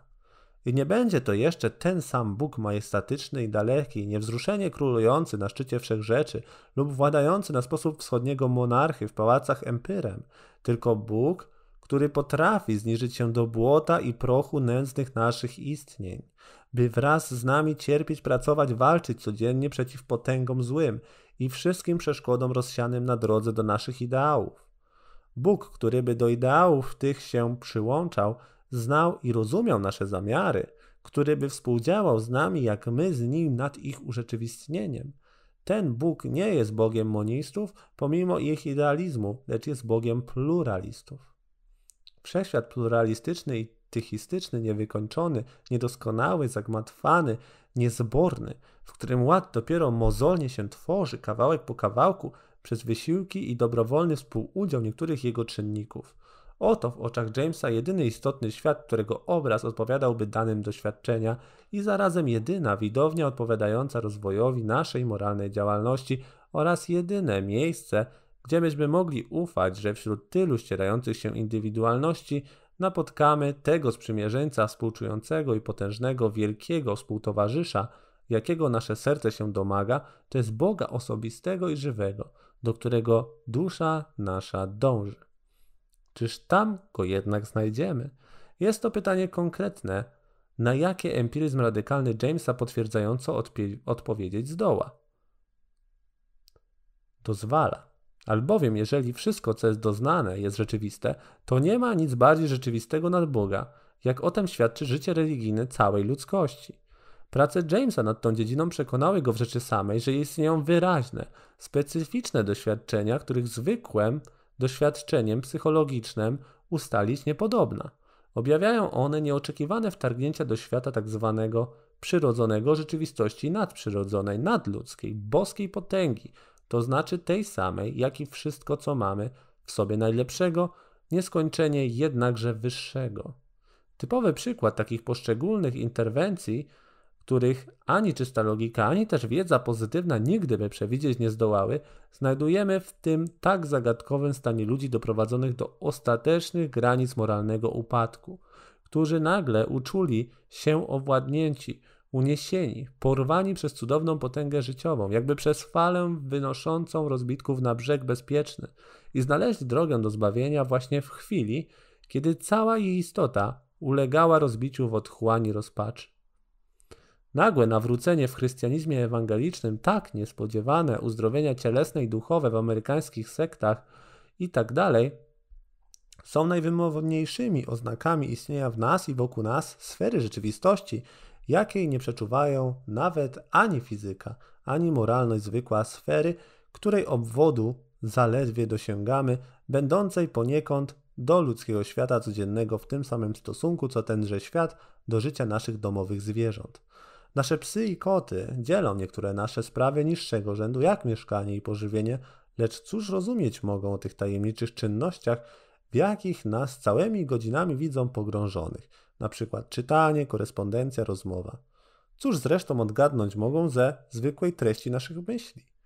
Podobnie doświadczenie religijne wprowadza nas w zetknięcie z nastrojami czy też kresami istnienia, których wspólność z naszymi ideałami duchowymi czujemy natychmiast, choć nie możemy w nie głębiej wniknąć, gdyż ta dziedzina władz wyższych przekracza nasze zrozumienie oraz zakres naszych uzdolnień. Raptowne przemiany, o jakich powyżej nadmieniłem, którym towarzyszą nieraz dramatyczne okoliczności, jak ataki nerwowe, widzenia i tym podobne, są li tylko jaskrawymi próbami ogłośnej orkiestracji. Jakby to określić, można tego objawienia świata nadprzyrodzonego w naszym świecie zwykłym. Ten sam fakt jednakże przejawia się wprawdzie mniej uderzająco na zewnątrz, lecz nie mniej pewnie wewnętrznie, nawet bardziej jeszcze przekonywująco w swej ciągłości lub nieustannemu powtarzaniu. W przebiegu życia wewnętrznego niezliczonych dusz, których doświadczenie religijne wytwarza się pod postaciami zresztą bardzo różnymi, stosownie do chwili i indywidualności.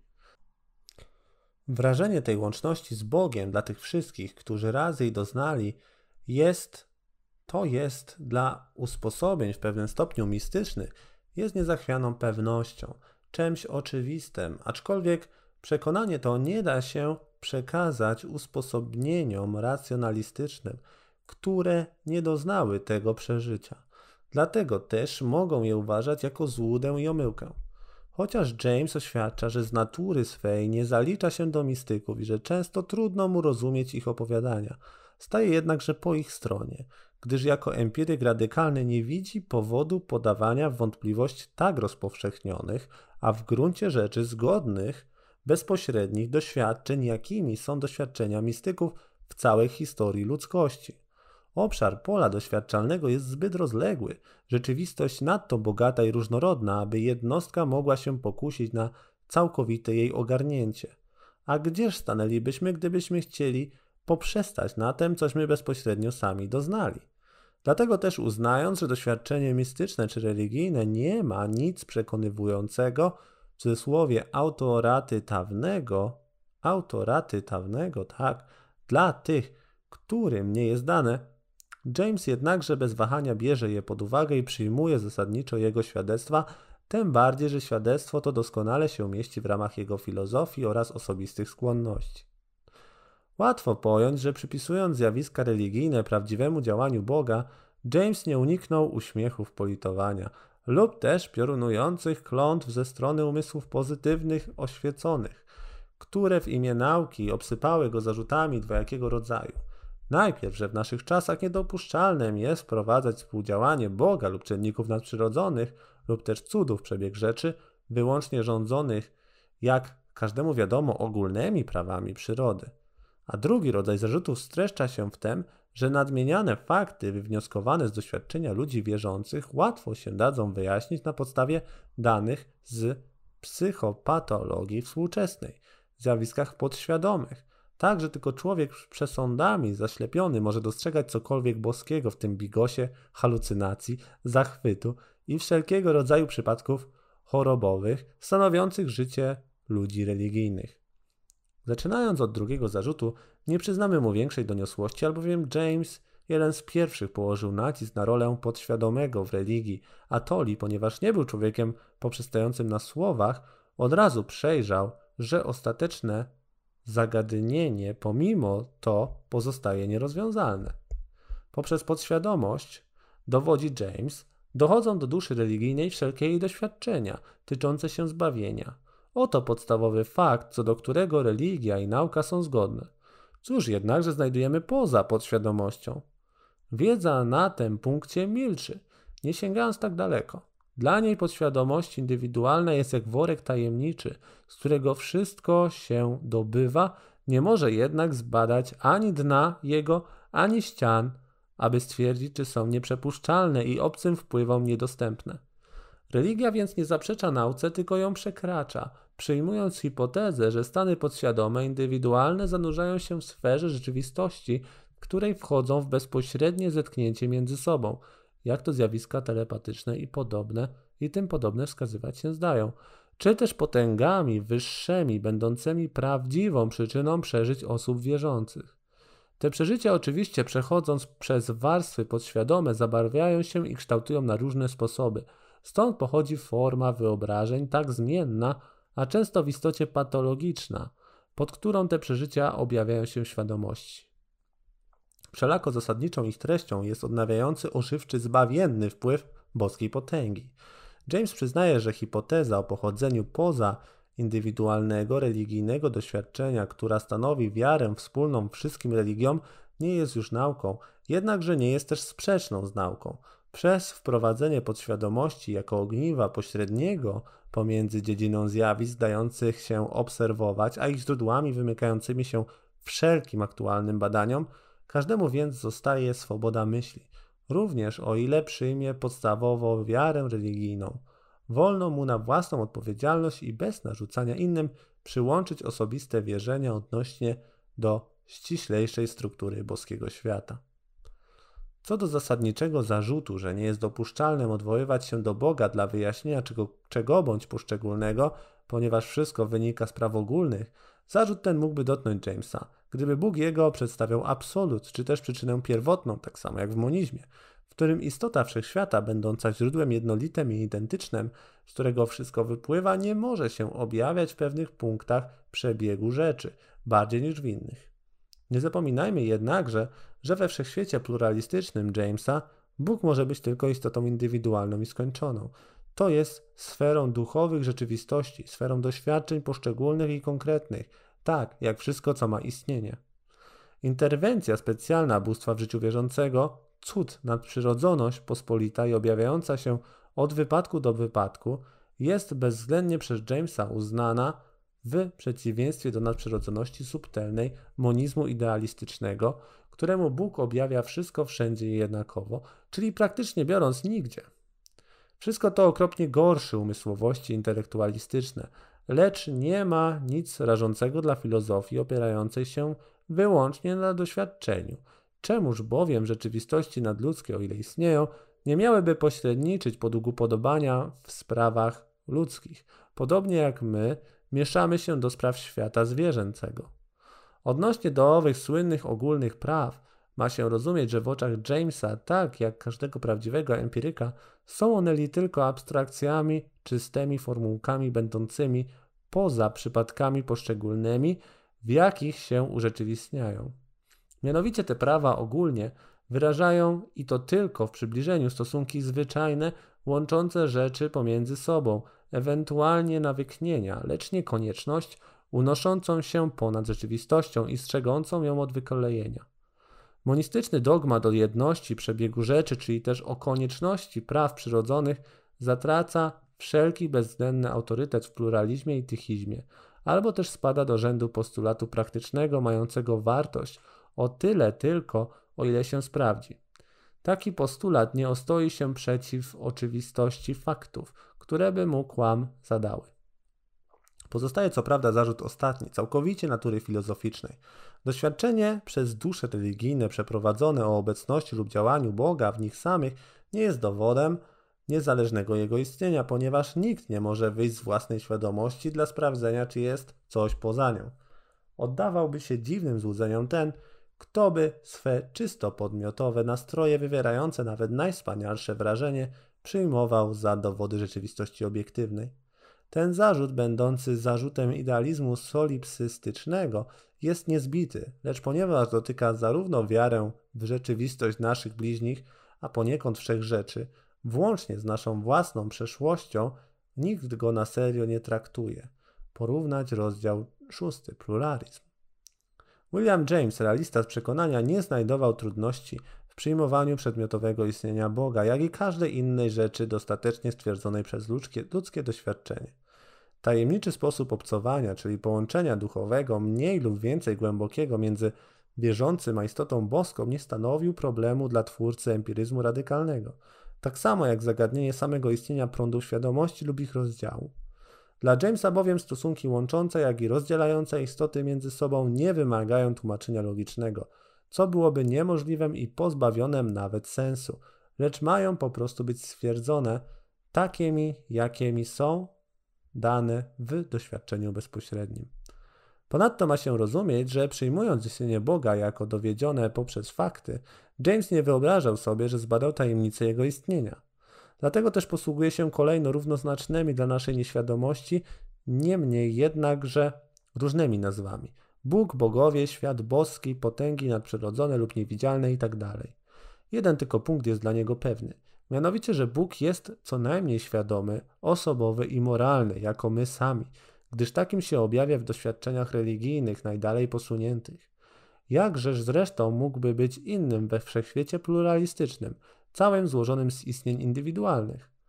Czy można coś pomyśleć więcej przeciwnego konkretnej metodzie Jamesa niż nauk intelektualistyczny teologów i filozofów do sublimowania i abstrahowania Boga, aż do sprowadzenia go już tylko do ogólnego pojęcia, do kategorii dobra czy doskonałości, lub też do prawa bezosobowego i abstrakcyjnego, moralnego porządku, oderwanego od wszelkiej świadomej indywidualności i zawieszonego w próżni rozumu.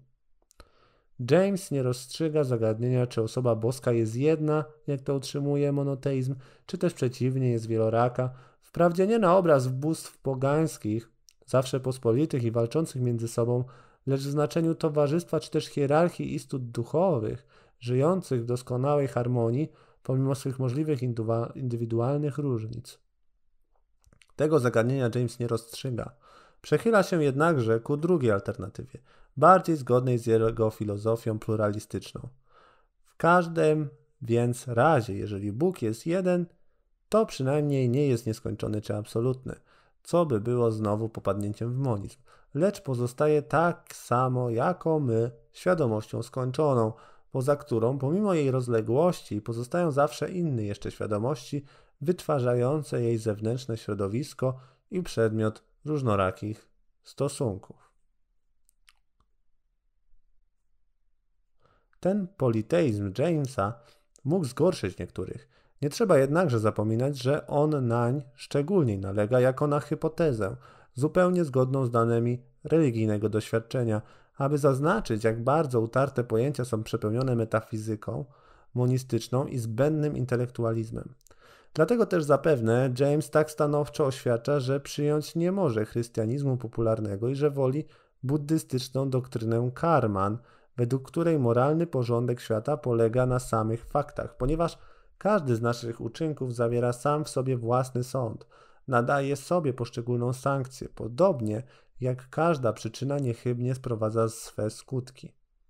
Jasnym jest, że taki sposób, w jaki buddyzm pojmuje głębokie znaczenie moralne wszechświata, lepiej odpowiada ujęciu konkretnemu i realistycznemu Jamesa niż nasz tradycyjny katechizm, który wielkie fakty moralne kosmicznego dramatu, jako to stworzenie świata, pierwszy upadek, pokutę zań, sąd ostateczny itd., tak rozwija w jakimś nieokreślonym środowisku oderwanym bez żadnego zetknięcia ze szczegółem, bezpośrednio przeżytym naszego życia codziennego. Wszelako niemniej jest oczywistym, że cały moralizm religijny naszego filozofa, owiany bohaterstwem, zapałem, energią oraz wiarą w Boga osobistego, jest biegunowo przeciwny duchowi zrezygnowanemu, negatywnemu, kontemplacyjnemu, całkowicie ateistycznemu, prawdziwego buddyzmu. Dlatego też chociaż James ze swą sympatią dla wszelkiej wiary żywej i szczerej, a wstrętem dla formułek, pozostał poza obrębem wszystkich ram dogmatycznych i kościelnych, osobistość jego oraz filozofia powinny być bez wahania uznane za czysto chrześcijańskie. On sam wielokrotnie używał zwrotu my chrześcijanie i wiemy dobrze, że nie odmawiał nigdy współuczestnictwa w chrześcijańskich związkach młodzieży. Szczególnie sposób, w jaki opisał i ocenił życie religijne i świętość, wykazuje, do jakiego stopnia wniknął w uczucia wielkich bohaterów chrześcijanizmu. A o ile nam jest danym odgadnąć, czym było jego życie wewnętrzne, wiemy, że w ciężkich chwilach znajdował ulgę w Piśmie Świętym, jak tego dowodem jest jego własny opis ataku nerwowego, w którym doświadczył, do jakich granic lęk u człowieka dojść może. Przyznać trzeba, że czerpanie pokrzepienia w takich tekstach nie znamionuje buddysty ani też człowieka obojętnego w rzeczach wiary chrześcijańskiej. Raz cytat z Jamesa. Czułem się owładnięty filozoficznym pesymizmem, zgnębiony najzupełniejszym zniechęceniem. Drżałem przed własnym losem. Co rano bez wyjątku budziłem się z okropnym uczuciem trwogi, która zdawała się być umiejscowioną pod sercem, a równocześnie z poczuciem obawy o życie, której nigdy przedtem ani też nigdy później nie doznałem. Było to jakby objawienie. Te stany wzruszeniowe w końcu zniknęły, lecz na zawsze mi pozostawiły szczególne współczucie dla tych wszystkich, którzy podlegają wrażeniom chorobowym. Trwoga, jaką odczuwałem, była tak silną i tak przejmującą, że musiałem kurczowo trzymać się tekstów takich jak następujące. Bóg przedwieczny jest moją ostoją. Przyjdźcie do mnie wy wszyscy, którzy pracujecie i jesteście obciążeni. Jestem zmartwychwstaniem i żywotem. Zdaje mi się, że bez tego byłbym całkowicie oszalał. Wreszcie, chociaż pojęcia filozoficzne Jamesa nie idą zapewne do zwykłej linii teologów, godzą się jednakże co najmniej równie dobrze, jeżeli nawet nieznacznie lepiej niż ich systemy z duchem, a nieraz i z literą Ewangelii. Czyż byłoby paradoksem uważać, jako rzeczywistego założyciela pragmatyzmu w religii tego, który głosił, że poznaje się drzewo po jego owocach i że chcąc poznać prawdę jego doktryny trzeba zacząć od wprowadzenia jej w czyn?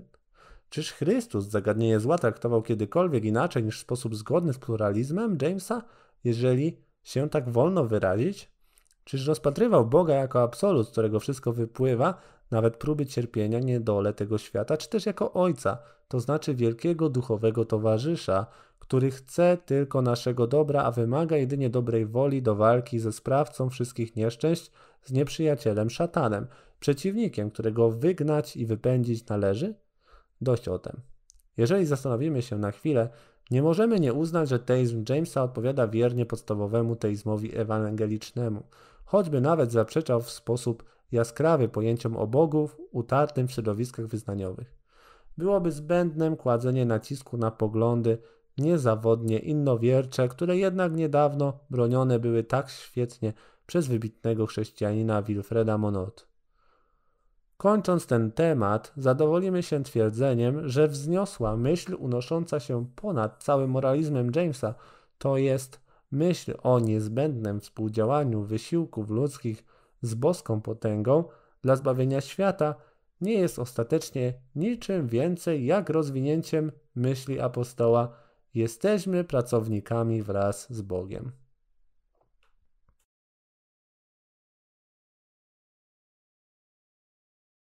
Wola do wierzenia.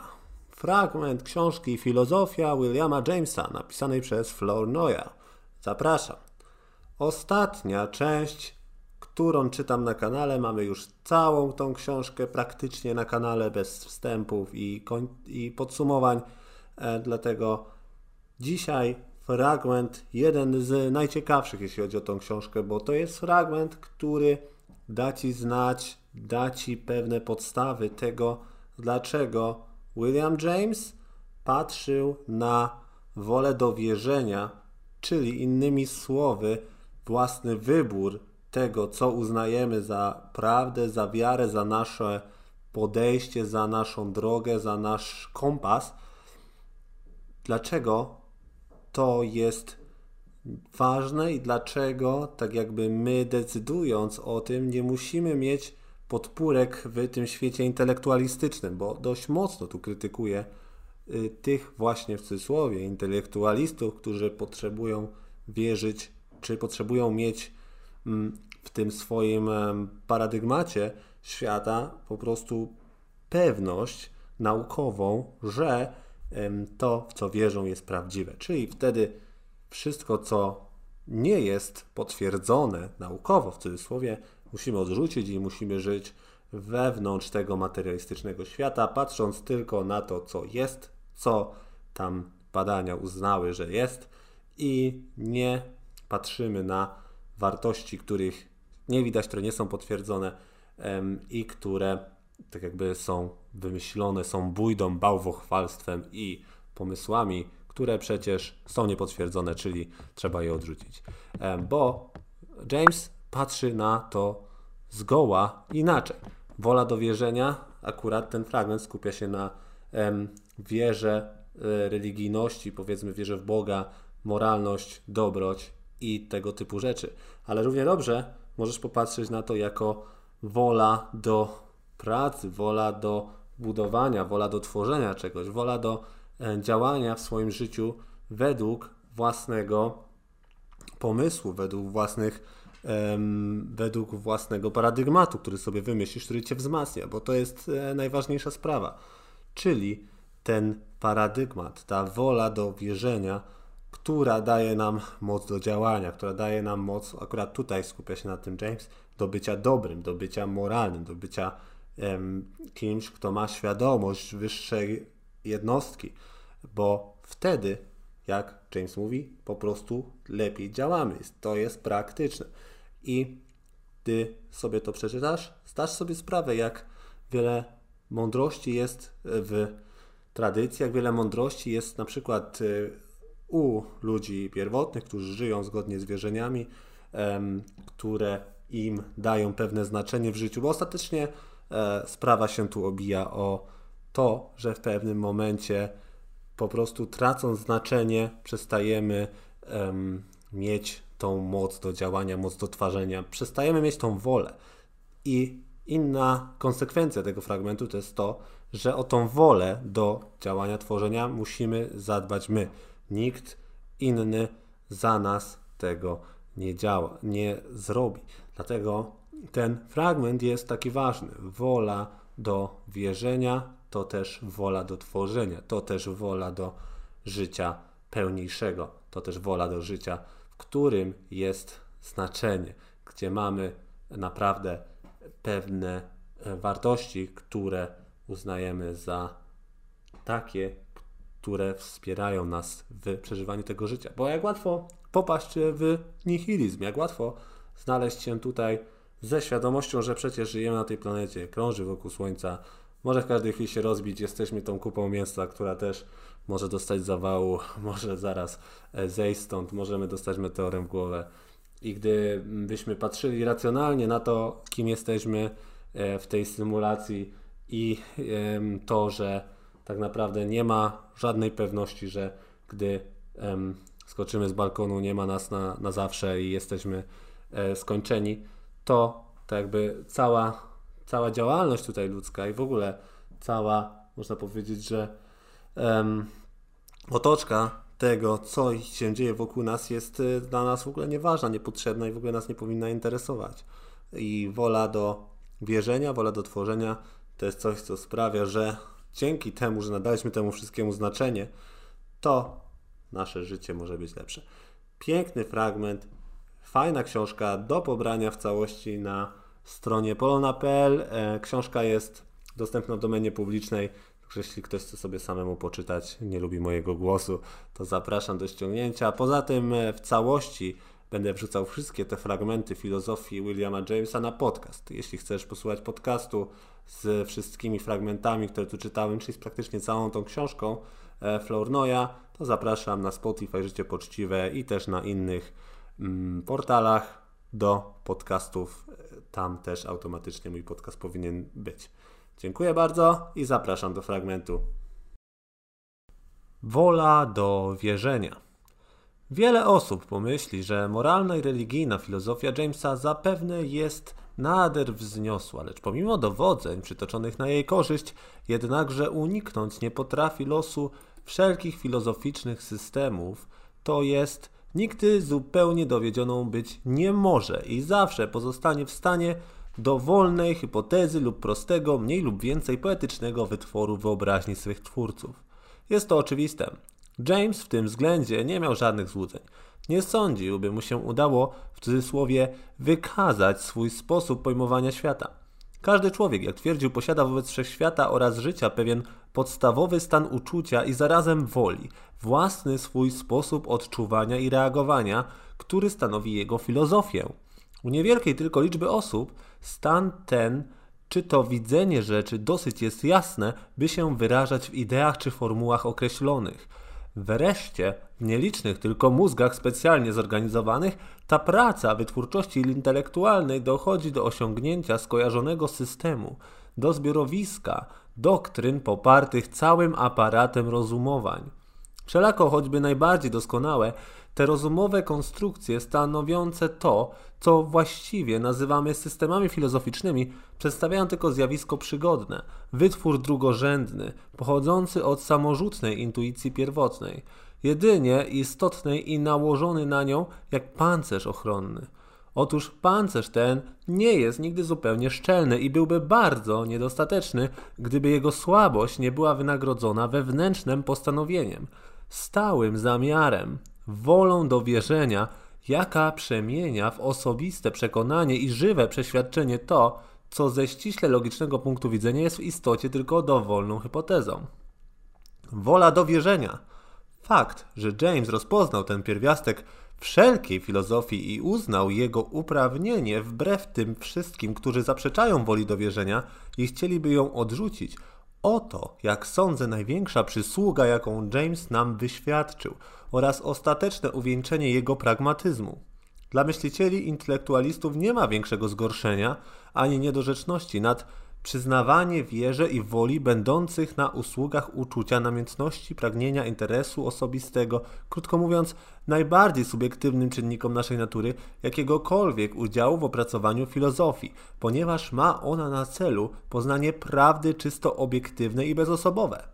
Racjonaliści i pozytywiści potępiają zgodnie wolność wierzenia i uznania czegoś niedowiedzonego, a jednakże upragnionego porywu całej naszej istoty ku rzeczywistości niepewnej jeszcze, lecz odpowiadającej głębokim potrzebom naszej natury. Choćby nawet ten poryw i to uznanie miały być później usprawiedliwione, niemniej filozofowie ci ogłaszają je za nieprawne, same w sobie zgubne i niegodne człowieka oświeconego.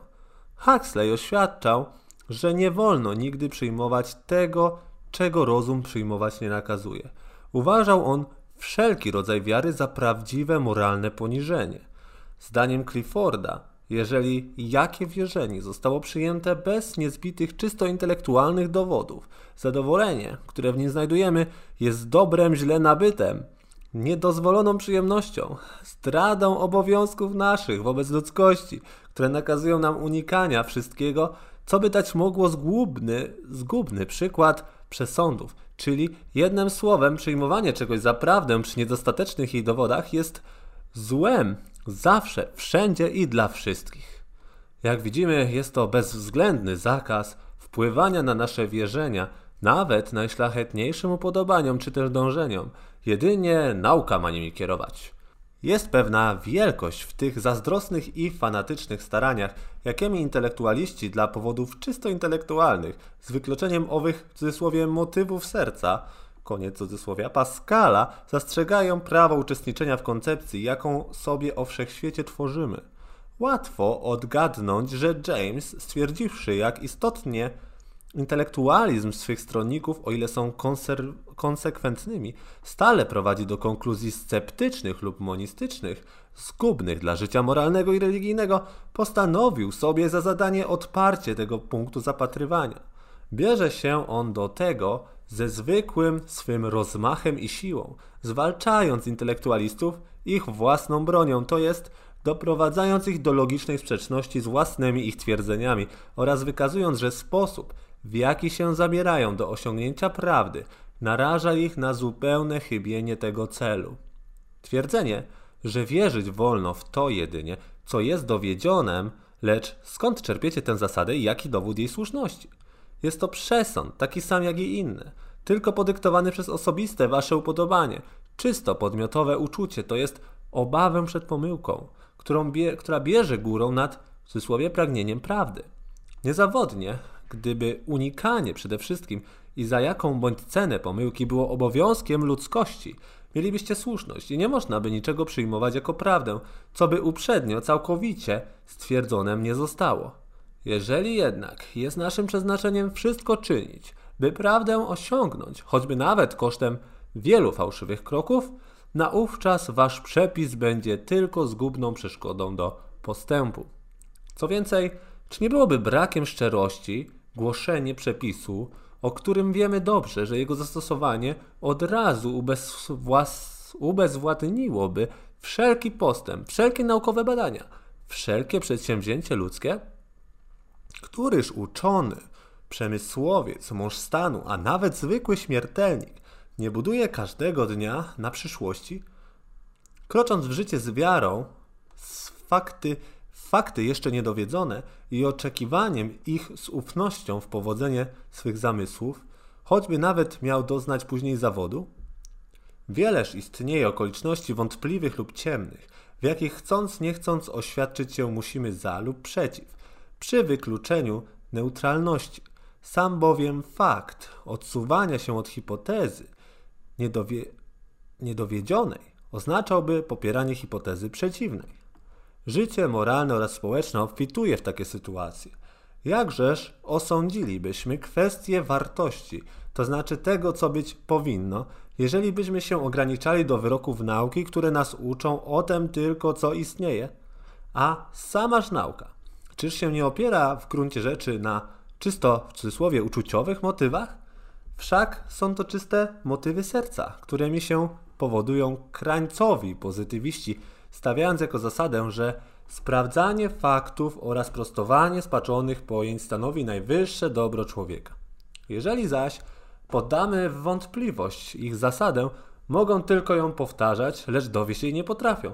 Chyba tylko wykażą, że to sprawdzenie i sprostowanie ma dla człowieka różne błogie skutki przynoszące sercu zadowolenie.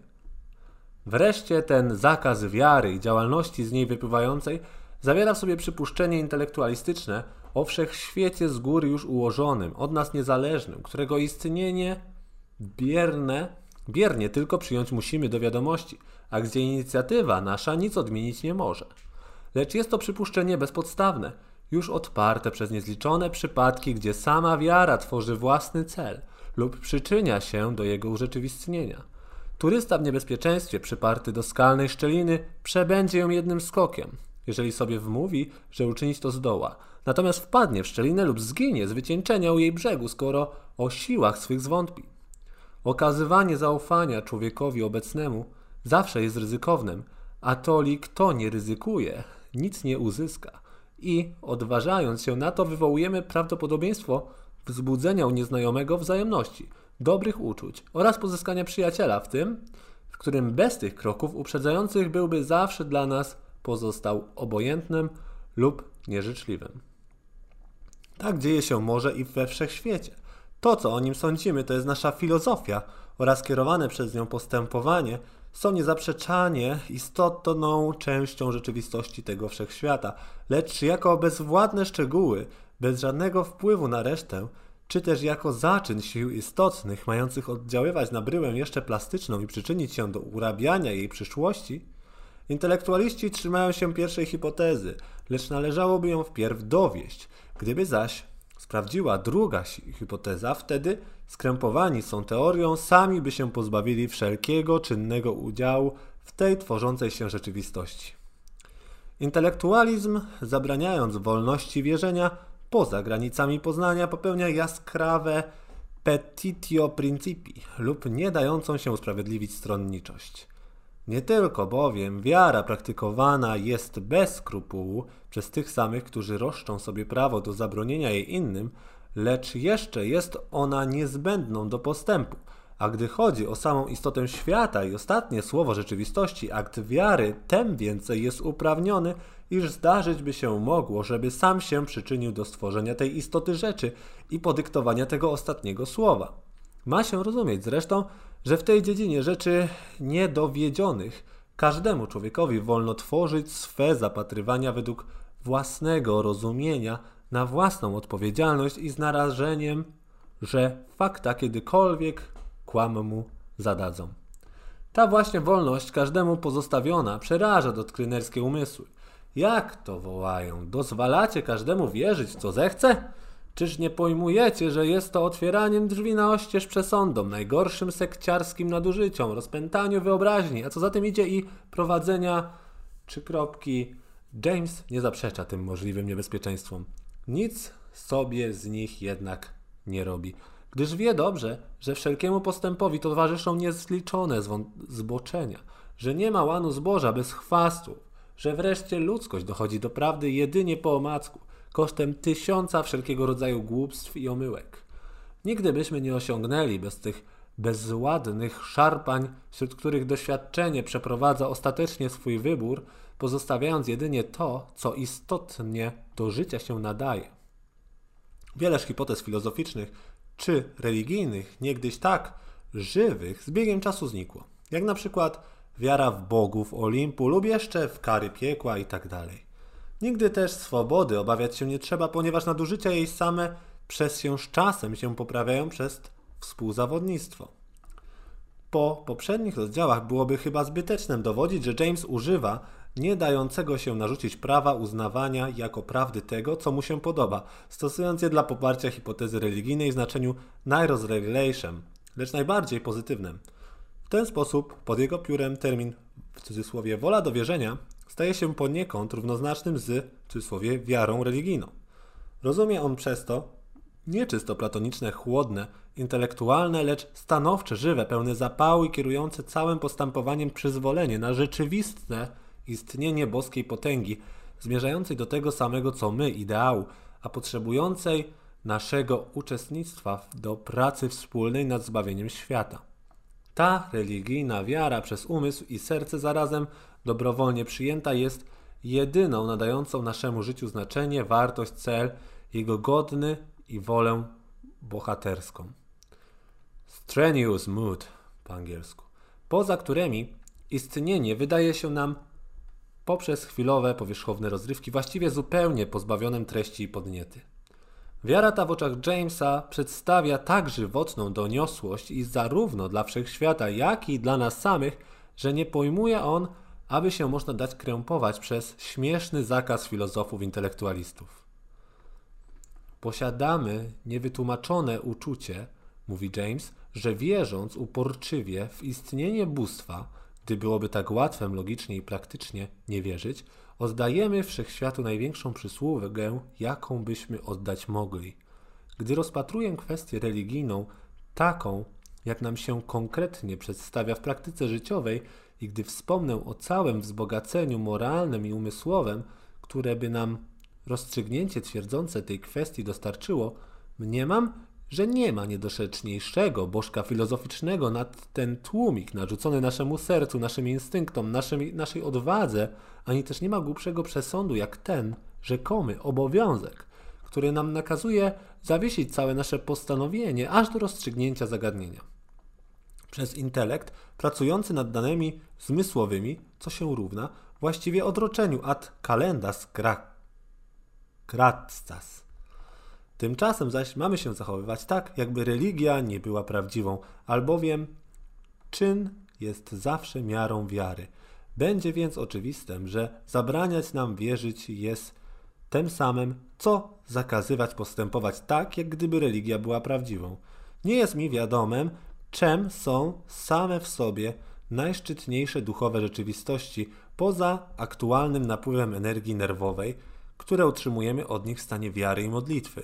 Wierzę jednakże, że te rzeczy istnieją i za tę skromną wiarę gotów jestem narazić me losy, pozostając jej wiernym w miarę sił.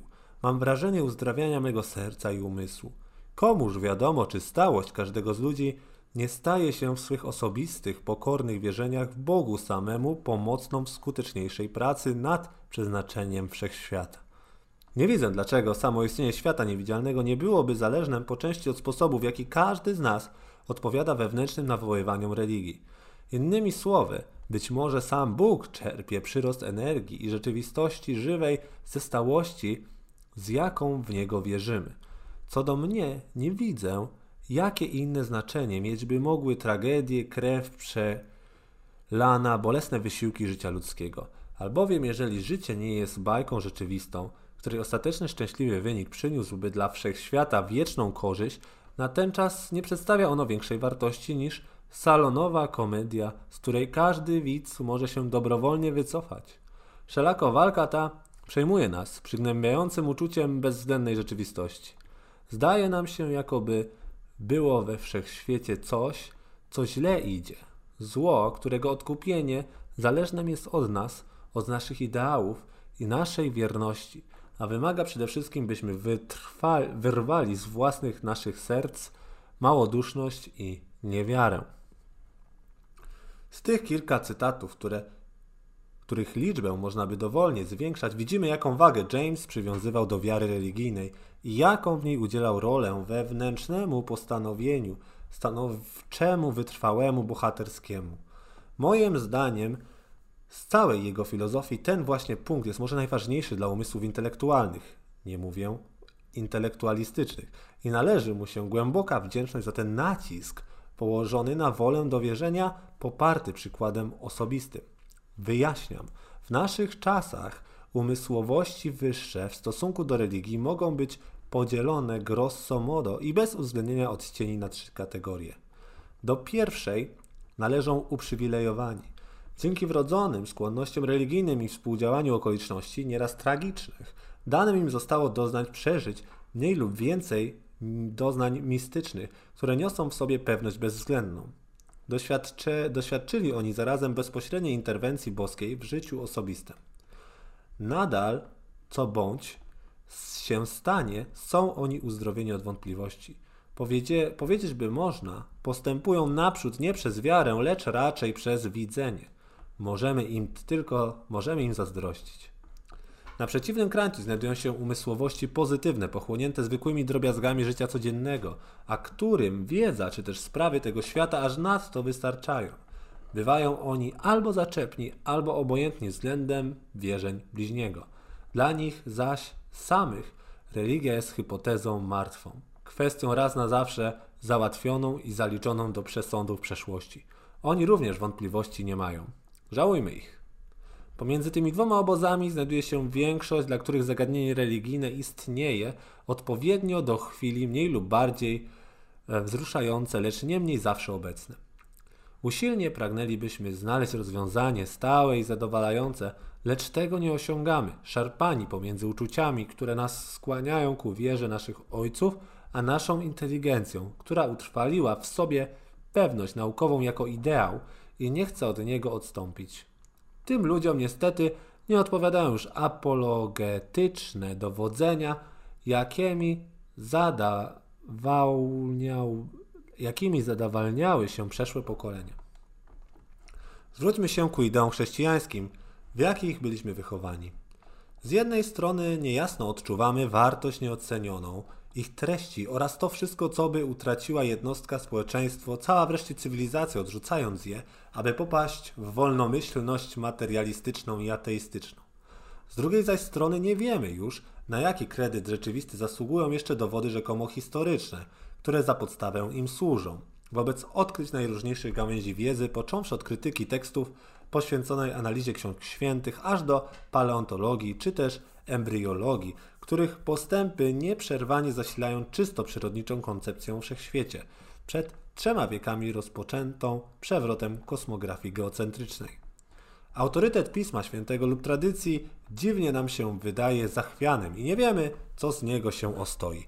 Być może, że nasi następcy ostatecznie jeszcze równowagę religijną odzyskają dzięki nowemu obrotowi koła wiedzy, które by pewność przywróciło za pomocą nieprzewidzianych odkryć lub sposobów tłumaczenia w wielu punktach zasadniczych obecnie pojawia poddawanych w wątpliwość.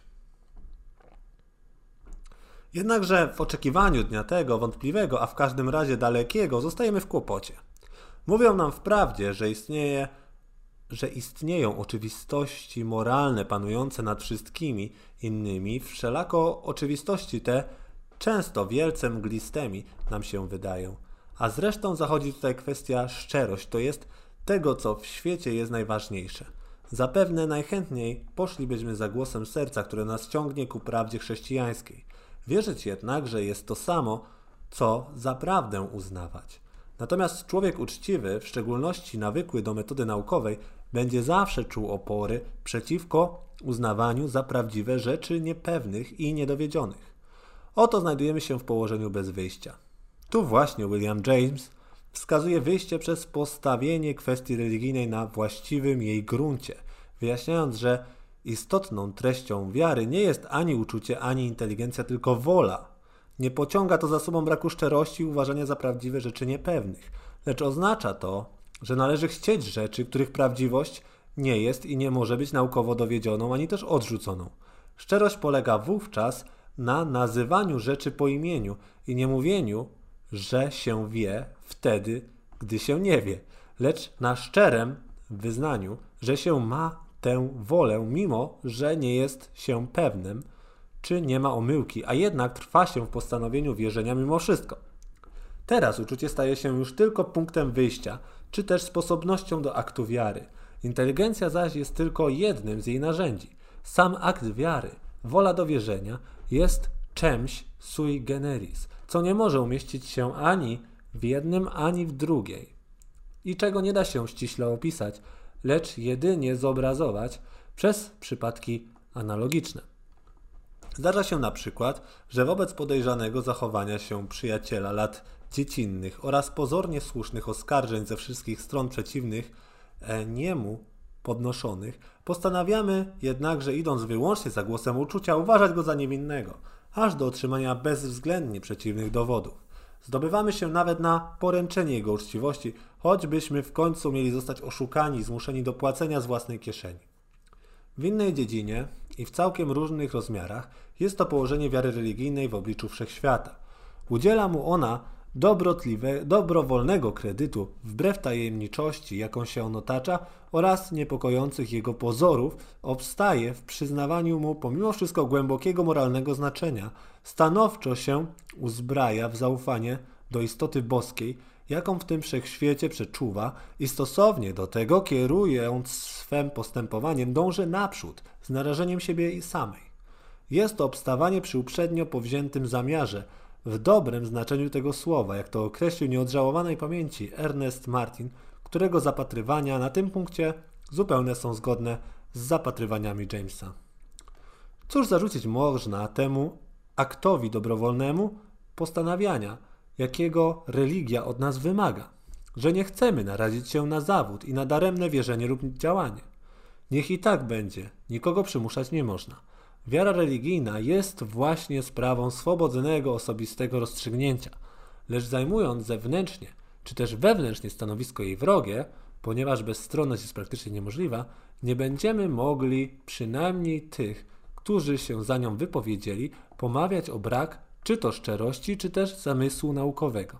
Te dwie rzeczy bowiem nie należą już do sprawy, ale zarzucać im możemy chyba tylko wolę różną od naszej. Wszelako czyniąc im dziecinny ten zarzut, nie wykazalibyśmy nic więcej ponad własną naszą ciasnotę pojęć oraz brak tolerancji. Lecz mógłby ktoś powiedzieć, że u istot tak słabych jak my jesteśmy, wola sama jest zbyt kruchą i nietrwałą postawą, podstawą, by na niej życie religijne budować. Potrzeba by rzeczywiście nadludzkiego bohaterstwa, aby wierzyć zawsze, nie widząc ani nie mając dowodów tego, w co się wierzy. Byłoby to jednak pominięciem dwóch rzeczy. Najpierw zrozumiałem, jest samo przez się tak, jak to było wyżej omówione, że głoszenie wiary dobrowolnej nie zwraca się do ludzi, którzy uważają religię za kwestię martwą i już pogrzebaną, lecz wyłącznie do tych, dla których jest ona jeszcze hipotezą żywą, to znaczy znajdującą oddźwięk w ich wrodzonych dążeniach, pragnieniach i ich w cudzysłowie motywach serca. Koniec cudzysłowie. Nie ma tutaj więc mowy o tym, aby mieli wierzyć w coś niemożliwego lub niedorzecznego, co by nie tylko nie pociągało, lecz przeciwnie odpychało ich od siebie.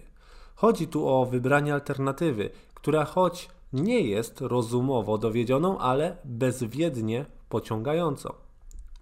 Dlatego też wysiłek wymagany przez religię, pomimo że często bywa trudny, a czasem nawet bohaterski, nie przedstawia jednak nienadludzkiego, albowiem opowiada pewnemu wołaniu wewnętrznemu duszy, które choć niewyraźnie, ale bezsprzecznie odzywa się w duszy, po które natura nasza tak jest ukształtowana, że jeżeli wszelka wiara wyraża się czynem, to nawzajem wszelki czyn rodzi wiarę i utwierdza ją. Gdybyśmy w myślach i czynach kierować się zaczęli przekonaniem, że wartości duchowe są tylko złudzeniem, obowiązek moralny złym żartem, ideał zaś pułapką na naiwnych, to w krótkim czasie poddalibyśmy się coraz gorszemu panowaniu sceptycyzmu. Przeciwnie, jak mawiał James, jeżeli uczynimy codziennie choć małe poświęcenie dla, w cudzysłowie, Boga oraz, w cudzysłowie, obowiązku, to wkrótce te dwa słowa, pomimo że na wstępie tak nam się puste wydały, zostaną dla nas czymś całkowicie innym, żywą rzeczywistością.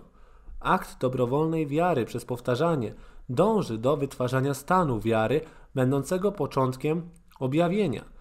Religia zaś, pierwotnie jako prosta hipoteza, przyjęta i stosowana czynnie przez uprzednie postanowienie, w końcu opromienia całą egzystencję, przynosząc ze sobą wewnętrzną oczywistość, radosną pewność swej prawdy.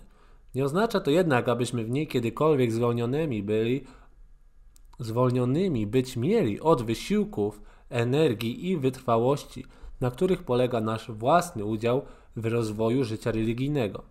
Nie tylko słynny odczyt Jamesa o w cudzysłowie woli do wierzenia, will to believe, lecz powiedzieć by można całe jego dzieło przejęte jest ideą o wybitnie czynnej i dobrowolnej naturze wiary religijnej.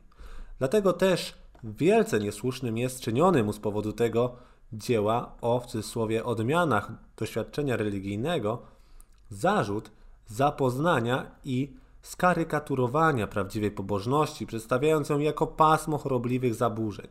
Co prawda, przy powierzchownym czytaniu niektórych rozdziałów tej pracy można by sądzić, że autor całą religię przenosi do dziedziny mistycznych doświadczeń, wyłamujących się z podświadomości, a narzucających się mimo jej woli. Osobnikowi doświadczenia te przeżywającemu, ponieważ zaś te objawy automatyzmu najjaskrawiej występują u psychopatów, a więc u nich James zebrał uderzające przykłady, przez to samo mające wyraźne zabarwienie chorobowe. Łatwo więc wyjaśnić sobie do pewnego stopnia niekorzystne wrażenie, jakie ta książka wywarła na niektóre osoby. W cudzysłowie, religia przedstawiana przez podobny tłum narwańców mogłaby obrzydnąć. Koniec cudzysłowie. Mawiał jeden z czytelników tej książki. Również niektórzy psychologowie zarzucali Jamesowi, że jego metoda przynosi szkodę przedmiotowi omawianemu i nadaje zupełnie błędne pojęcie o normalnej pobożności. Krytyki te są w gruncie rzeczy jeszcze jednym hołdem złożonym szczerości i zarazem dokładności obserwacji Williama Jamesa. Czyż jest on temu winien, jeżeli w istocie życie religijne autentycznie autentyczne, empirycznie dowiedzione, o jakiem świadczą cnoty bohaterskie oraz owoce świętobliwości, jakie ono wytwarza, rozkwita czasami u natur zwyrodniałych, tak samo jak zdarza się, że najpiękniejsze kwiaty wyrastają na gnoju? Gdy James podaje przypadki, które zgorszeni czytelnicy wprost skierowaliby do szpitala lub do domu obłąkanych, jest to dowodem, że umiał rozpoznać to, czego oni nie dostrzegają, mianowicie różnicę pomiędzy czystym diamentem religijnego doświadczenia, a warstwą otaczającą tak często patologiczną. A zresztą w tym nawet dziele, które razić może chyba tylko przez swą bezstronność, szerokość horyzontu, cudowną wnikliwość psychiki najróżniejsze, nieomal wszędzie odnajdujemy niedomówioną, natomiast na ostatnich stronach jasno wyrażoną myśl podstawową Jamesa, mianowicie, że Zogniskowanie religii znajduje się w woli. Uprzywilejowani, czy też wykolejeni, których James umieszcza w swej rażącej galerii portretów, musieli wobec doznawanych nadziemskich objawień uczynić akt posłuszeństwa, wyrzeknąć się dążeń osobistych, bez czego nie byliby dla Jamesa ludźmi prawdziwie religijnymi. Jest więc zupełnie dozwolonym twierdzić, streszczając powyższe wywody, że z doświadczeniami mistycznymi, czy też bez nich, jest to zawsze wewnętrzne postanowienie jednostki, oddalanie się jej idealnym rzeczywistością, stanowcze wypowiedzenie się za hipotezą bóstwa. Jednym słowem, wiary. Jest to jednym słowem owa w cudzysłowie wola do wierzenia, która pozostaje w oczach Jamesa właściwą treścią wiary religijnej i wyrazem prawdziwej pobożności.